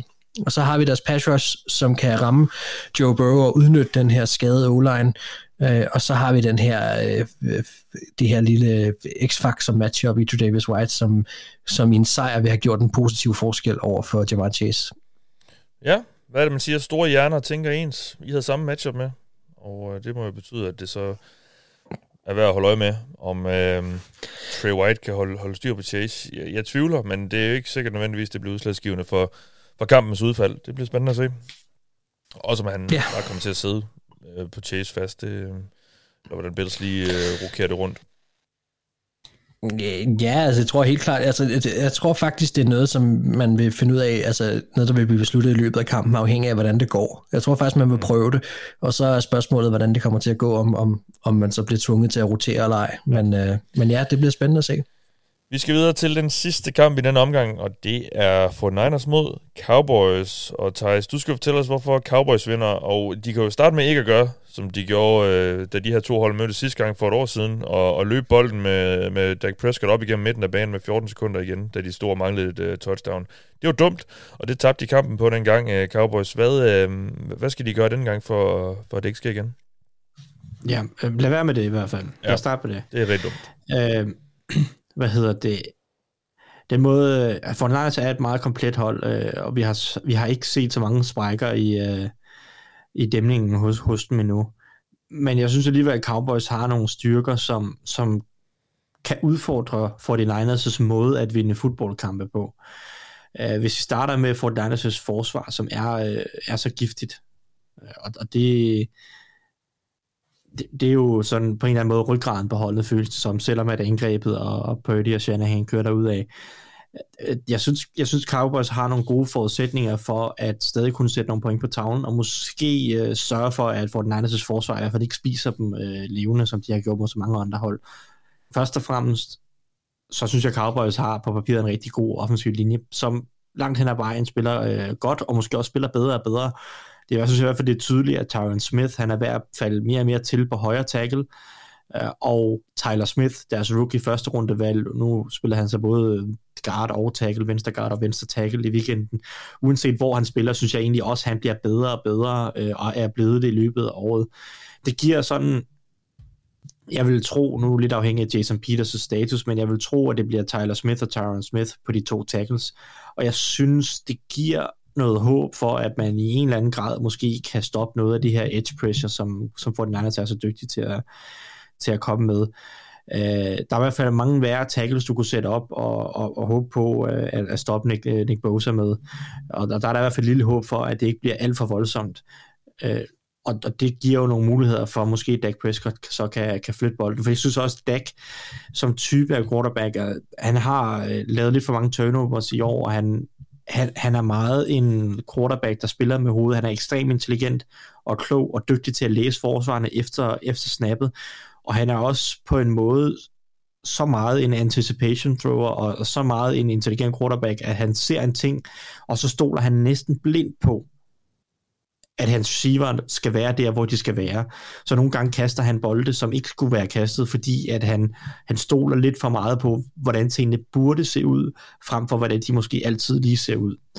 Øh, og det synes jeg koster nogle interceptions, kombineret med, at hans receiver også netop har svigtet ham en, en del gange i år. Øhm, når man kommer forbi CD Lamb, så er det ikke den vildeste gruppe, de har så.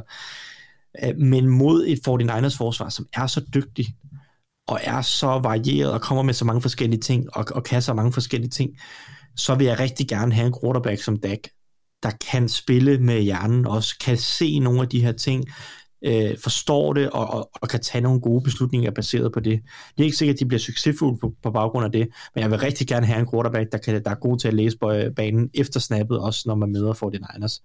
Så Cowboys skal jo håbe på, at den her offensive linje holder vand, og så Dak har en af de dage, hvor at de der øh, turnovers ikke sniger sig ind, fordi når han er god, så er han rigtig god, og når han virkelig er på toppen af sit spil, så tager han jo ekstremt mange gode beslutninger, så er han rigtig, rigtig svær at, at spille mod, fordi han næsten altid ved, hvor han skal hen med bolden.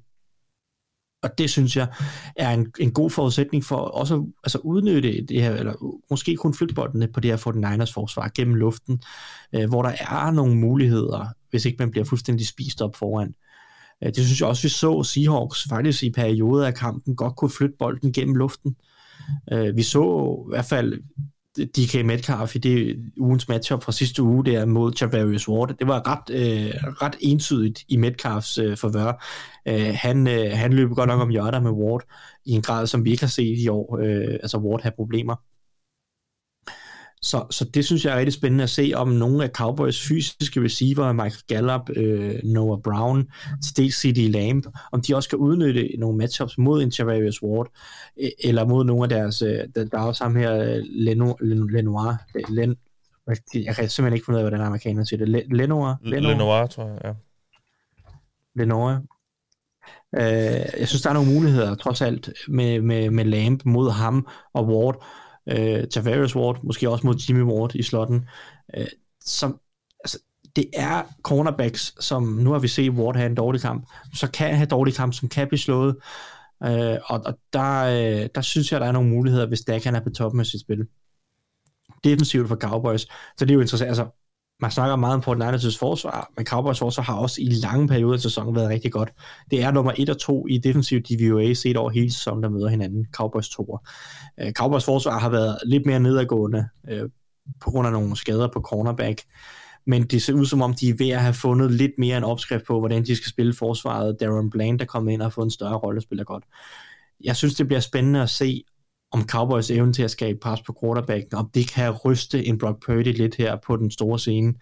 Øh, jeg ved godt, jeg også sagde det sidste uge, at Seahawks skulle håbe på, at Purdy lavede nogle fejl, øh, og, og, og måske var, var lidt en rookie i, i slutspillet. Det, det var ikke rigtigt tilfældet. Han gjorde det godt, og det, det må man jo have respekt for, men, men Cowboys bliver jo nødt til at prøve at se, om de kan ryste ham lidt, fordi Cowboys har ligaens bedste pressure percentage af holdene øh, af alle hold i sæsonen. Michael Parsons er jo ekstremt farlig, og de har også nogle muligheder. De har andre gode edges, og der, der, der må være nogle muligheder trods alt for at komme ind og, og, og skabe en lille smule pres på, på Brock Purdy, og måske prøve at gøre en lille smule usikkert. Og så vil jeg også sige, for din Niners' løbespil i sidste uge, var jo ikke super effektivt. Øh, det var faktisk en lille smule skuffende, hvis jeg skal være helt ærlig. Når du ser bort fra det her øh, 70 yards løb, som McCaffrey har i starten af kampen, så snitter han omkring 3 yards per carry, eller noget stil, øh, på de andre øh, 14-15 carries, han har i kampen. Det, det, det var ikke fordi, at, at Seahawks blev løbet midt over, og jeg kan håbe på for Cowboys, at de netop kan stoppe løbet og tvinge Brock Purdy ind i nogle, nogle kastesituationer, hvor at, at Micah Parsons og company så kan excellere øh, i det, som de har været gode til hele året, nemlig at få pres på quarterbacken. Mm. Øh, det, det må være nøglen for Cowboys defensivt, øh, og så håbe på, at der sniger sig nogle fejl ind, og, og ellers at, at, at deres øh, opdækning holder vand øh, mod, mod, mod de mange forskellige våben. Jeg vil sige, Cowboys i år har været rigtig gode mod Titans. Jeg tror, det er fjerde bedst i DVOA i år. Så, så måske, der er et lille håb for, at Kittle måske ikke er ham, der afgør kampen for 49ers, men at, at det mere er, at de skal, uh, Cowboys skal finde ud af, finde ud af hvordan man stopper Samuel og, og Ayuk. Uh, så for mig at se Cowboys, den gode offensive linje giver Dak Prescott tid til at arbejde, og så Dak Prescott har en af de der kampe, hvor han bare læser spillet fantastisk, som han kan, når han er bedst. Og så er det evnen til at skabe pres på, på, på Brock Purdy, og måske ryste rookien en lille smule. Det er, det er måden, som Cowboys vinder den her kamp på. Ja. Tak for det, Thijs. Og så slutter vi af med at skal høre om, hvorfor 49ers spiller sig i sin tredje NFC-finale på fire sæsoner, Anders. Det har du ansvaret for. Ja, øh, altså først så, så vil jeg starte med at sammenligne det lidt med min holdning til Cowboys box i sidste uge, øh, hvor man måske lidt glemmer, at der er niveauforskel på de to hold. Øh, Det gjorde Mark i hvert fald. øhm. Ja, ja, ja, ja. Ej, han troede, men, han troede også, der var niveauforskel, bare den anden vej. Ja, ja, tydeligvis. Øh, men jeg, jeg ser lidt, og det kan godt være, det er bare min egen personlige holdning, men jeg ser, at, at 49ers er et niveau for sig selv øh, i den her kamp. Altså de, eller et niveau over Cowboys, for Cowboys er et godt hold, som, som Tyson siger. Hvis Dak rammer dagen, og øh, hvad hedder det, San Franciscos forsvar ikke formår at udnytte øh, øh, den, den, altså ikke formår at lave turnovers eller lignende, så kan de godt spille med. Men øh, jeg tror nu engang, at 49ers de vinder, fordi for det første så starter Brock Purdy ikke på sådan lidt halvskidt måde, som han gjorde mod Seahawks, så det bliver ikke sådan en, øh, en, en øh, hvor man kommer til at, at, at lave et, øh, et tweet, som senere ser lidt sjovt ud, øhm, måde. Ligesom med Chargers, ikke. hvor man, hvor man så en del. Det skete ikke. Nå, nej, nej, det var ikke dit, jeg tænkte på. Nå, okay. nej, det var mere, det var mere sådan, da, da Chargers jo sådan, åh, det hele det brændt ned. Og Nå, ja, ja. Jeg sad der også der, da jeg så den søndag morgen og tænkte, hold da kæft, det var sgu godt ramt af mig. Eller ja. er, er de fleste af os. At tage ja. Chargers. Ja, det var det sgu. Ja, det må man sige. Ikke. Ja, der var I gode. Øhm, men altså, 49ers er bare et bedre hold, og så vil jeg sige, at de har de har spillerne, der kan spille op med der, hvor, hvor, hvor øh, Dallas har deres styrker på forsvaret. Mike Parsons over, mod, over for Trent Williams øh, bliver et matchup af mastodont størrelse, fordi hvis der er en spiller i den her verden, der bare giver de største I don't give a fuck vibes omkring nogen, så er det Trent Williams. Øh, han, han, han, han bliver spændende at se øh, mod Mike Parsons. Og så, øh, så George Kittle mod, og det her, det er ikke fordi, det er en styrke, øh, det er en, øh, eller en svaghed hos øh, Dallas Cowboys. Det er nærmere, nærmere styrke mod styrke. Jeg er meget spændt på at se, hvordan George Kittle han gør det øh, mod øh, Dallas' linebackergruppe, hvor Leighton Vander han har været fremragende, eller været meget, meget vigtig for holdet. Når han ikke er der, så er de bare væsentligt dårligere. Øhm, samtidig så er øh, 49ers, de er drabeligt gode. Øh, er det et ord? Yeah. Ja, lad, yeah. lad os sige det et ord. I, øh, i 21 personel øh, med, med, med to running backs, en tight ends og to receivers. Øhm, og når de kører ud fra det, øh, den gruppering, så kan de virkelig sætte pres på, øh, på Dallas' forsvar og gøre det svært. Øhm, så jeg, jeg tror egentlig, altså for Niners vinder, fordi de, de kan godt flytte bolden, de kan godt få, få bolden ud i deres, øh, deres playmakers hænder. Og der, hvor Dallas har deres styrker, der er 49ers øh, stærkere eller lige så stærke. Så jeg, jeg ser egentlig også godt, at de kan vinde deres matchup, selvom det er styrke mod styrke. Ja. På forsvaret, der vil jeg egentlig sige, at jeg vil læne mig lidt op af Thijs og sige, at der, der handler det om at, at mudre det billede. Altså gør sådan, at det billede, der ikke forventer at se, ikke er det samme, som, som det ender med at være. Fordi så kan vi godt se nogle af de der lidt dumme turnovers komme. Jeg har rigtig svært ved at se den offensive linje holde styr på Nick Bosa. Fordi det er ikke lige frem, altså det er jo ikke stjerner, vi ser start, og særligt ikke på højre tackle for Dallas lige nu. Det er, det er, det er jo, okay, det man kan sige, det er ekstjerner. Tyron Smith, der, der, der spiller øh, højre tackle, er selvfølgelig en fremragende spiller, men han har ikke spillet øh, højre tackle siden college, udover de få kampe her i år. Så der er muligheder for, øh, at det kan være noget rodet butik. Og jeg har svært ved at se dem holde stand over for den maskine, der er den defensive linje hos 49ers, der bare har spillet fremragende. Så, så 49ers, de vinder, fordi de egentlig kan flytte bolden ganske effektivt, tror jeg på, i luften. Og, øh, og sagtens skal få en spiller som, som, som Christian McCaffrey sat i gode positioner, fordi to be honest, jeg kan ikke se en spiller, der kan følge med ham i, øh, eller er meget spændt på at se, om de kan finde en, der kan følge med ham, når han løber sine ruter. Og så, øh, og så på forsvaret, der tror jeg bare, at eller, eller der kommer den, hvad hedder det, defensive linje til at dominere. Øhm, så, så 49ers, og det er overraskende her, 49ers vinder, fordi de bare er bedre. Ja. Meget, meget kontroversielt, ja. Det er mig. Jeg er en ja. edge lord. Tak for det, Anders. Øh, og så til det sidste punkt på dagsordenen nu. Vi skal have sat vores picks. Og øh, det starter vi. Vi starter altid lige med en, en status på sidste uge. Øh, Doc ramte 4 ud af 6 kampe. Og det er jo øh, to tredjedele, så det, øh, det er sådan set fint nok tilfreds med. Vi er nu på 63,2% for sæsonen, og øh, vi ligger jo godt øh, til at slå i hvert fald vores øh, procent fra sidste år, som var på 62,6.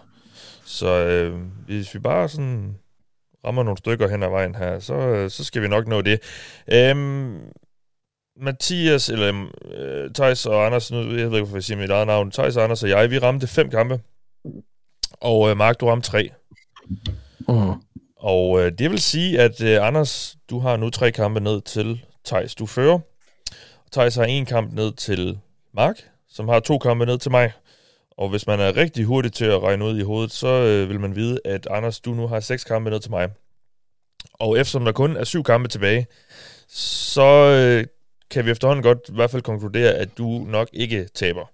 Det vil være meget usandsynligt. Det vil i hvert fald kræve, at jeg vil have modsat dig hele vejen, og, og altså så også rammer rigtigt nærmest. Øhm, så det tillykke meget til... Ravens-agtigt. Jeg, jeg tør allerede godt nu sige tillykke til dig, fordi du ikke skal have svensk pølseret. Ja, det er jeg glad for. Det håber jeg virkelig holder. Jeg håber ikke, jeg laver en Ravens. Det er jo så noget mere spændende i bunden, og øh, ja, altså, som jeg også vi gjorde i sidste uge, så, så øh, kommer jeg, der, der har flest, de kommer på først, og så kan jeg så vælge til sidst. Og jeg er jo så lidt tvunget til at skulle vælge modsat af nogen af jer. Jeg er jo så ikke lige så presset, som jeg var på vej ind i slutspillet. Men, men lad os se, hvordan det kommer til at forløbe. Uh, vi skal have sat vores picks, og uh, vi starter selvfølgelig med Chiefs mod Jaguars. Anders, du lægger ud. Ja, jeg tager Chiefs. Thijs? Jeg tager også Chiefs. Mark? Ja, det gør jeg også. Det gør jeg også. Det bliver ikke på den her, jeg skal ud og hente noget. Eagles mod Giants. Anders? Jeg er meget fristet til at tage Giants, men jeg tager Eagles. Thijs? Jeg er på ingen måde fristet til at tage Giants. Jeg tager Eagles. Mark? Jamen, jeg tager også Eagles. Ja, det gør jeg også. Bills mod Bengals. Anders? Jeg synes, den her den er skide irriterende. Ja. Jeg tager Bills, men jeg har lyst til at tage Bengals. Men du tager Bills? Ja. Thijs? Ja, jeg, jeg er lidt for bekymret faktisk for den offensive linje hos Bengals. Mm-hmm. Så jeg, jeg går med Bills. Jeg, jeg havde også egentlig lunet op til den sidste måneds tid, at jeg ville gå med Bengals i, imod Bills. Men uh, jeg tager Bills. Ja, Mark? Det gør jeg også. Åh, ja. Ah, den er vel nem for dig, den her. Ja. Altså, jeg vil meget gerne gå ind til konferencefinalen kun at være bagud med en. Så det jeg skal jo... Gøre, hvis du rammer rigtigt her, jo. Ja, jeg skal jo vælge en anden på et eller andet tidspunkt. Og skal det så være Bengals, eller skal det så være nok Dallas? Um, ja, jeg, jeg, jeg er lidt bange for Josh Allen og den løbetrussel. Jeg, jeg tror, han kommer til at være en hovedpine som løber, altså som, øh, for, for Bengals. Det tror jeg, de vil have, kommer til at få lidt svært ved at håndtere. Men det afhænger så af, hvor, hvor meget de satser på det, Bills. Øhm, nej. Jeg tager Bengals. Jeg tager Bengals. Grrr.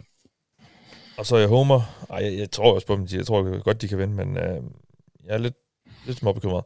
Nå, jeg har taget Bengals, og øh, nu skal vi vælge den sidste kamp. Det er jo altså 49ers mod Dallas Cowboys. Anders? Ja, jeg tager 49ers. Thijs? Ja, yeah. det gør jeg også.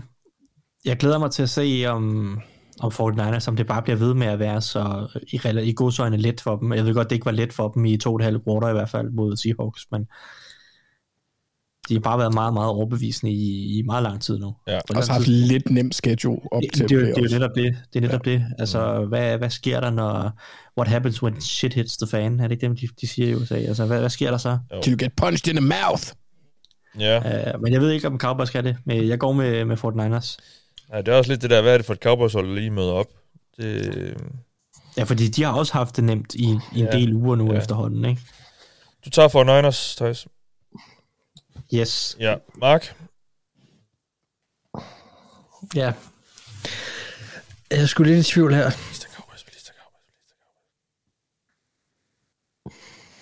Det er jo også bare mere tanken om, hvad sker der, hvis, hvis Cowboys pass rush rent faktisk kommer ind til, til Purdy. Så er det lige pludselig en... Ja. Nej, jeg tager for deres. Ja. Nå, yes, jamen det gør vi alle sammen så. Og øh, vi tager også, som det er jo vel kontor jo, altså Chiefs, Eagles, Bills og 49ers. Det er også et rimelig stærkt lineup til øh, konferencefinalerne. Lad os bare lige håbe, at en af dem ikke er det hold, i hvert fald, der går videre. Men øh, lad os nu se, hvad der sker i øh, denne weekend, øh, som jo tit bliver betegnet som den fedeste weekend, fordi nu, nu er det kun gode hold, der er tilbage, så, og så Giants, øh, og så øh, og Jaguars måske også. Øh, og der er meget på spil, så det bliver sjovt at se fodbold i denne weekend, hvor der er altså to kampe lørdag, ah, halvanden kamp lørdag. Den, den ene begynder sådan set natten til søndag, og så to kampe søndag. Det var det for den omgang af Det var vel kontor. Vi er selvfølgelig tilbage næste uge, hvor vi øh, tager et grundigt kig på konferencefinalerne. Husk at købe billet til vores Super Bowl show, hvis du ikke allerede har gjort det. Vi håber rigtig meget at se rigtig mange af jer, der lytter til os. Det kunne være rigtig, rigtig fedt. I, dem, i den omgang har du lyttet til mig. Jeg hedder Mathias Bergqvist Sørensen. Med mig har haft Anders Kaltoft, Thijs Joranger og Mark Skafte Våbengård. Vi lyttes ved.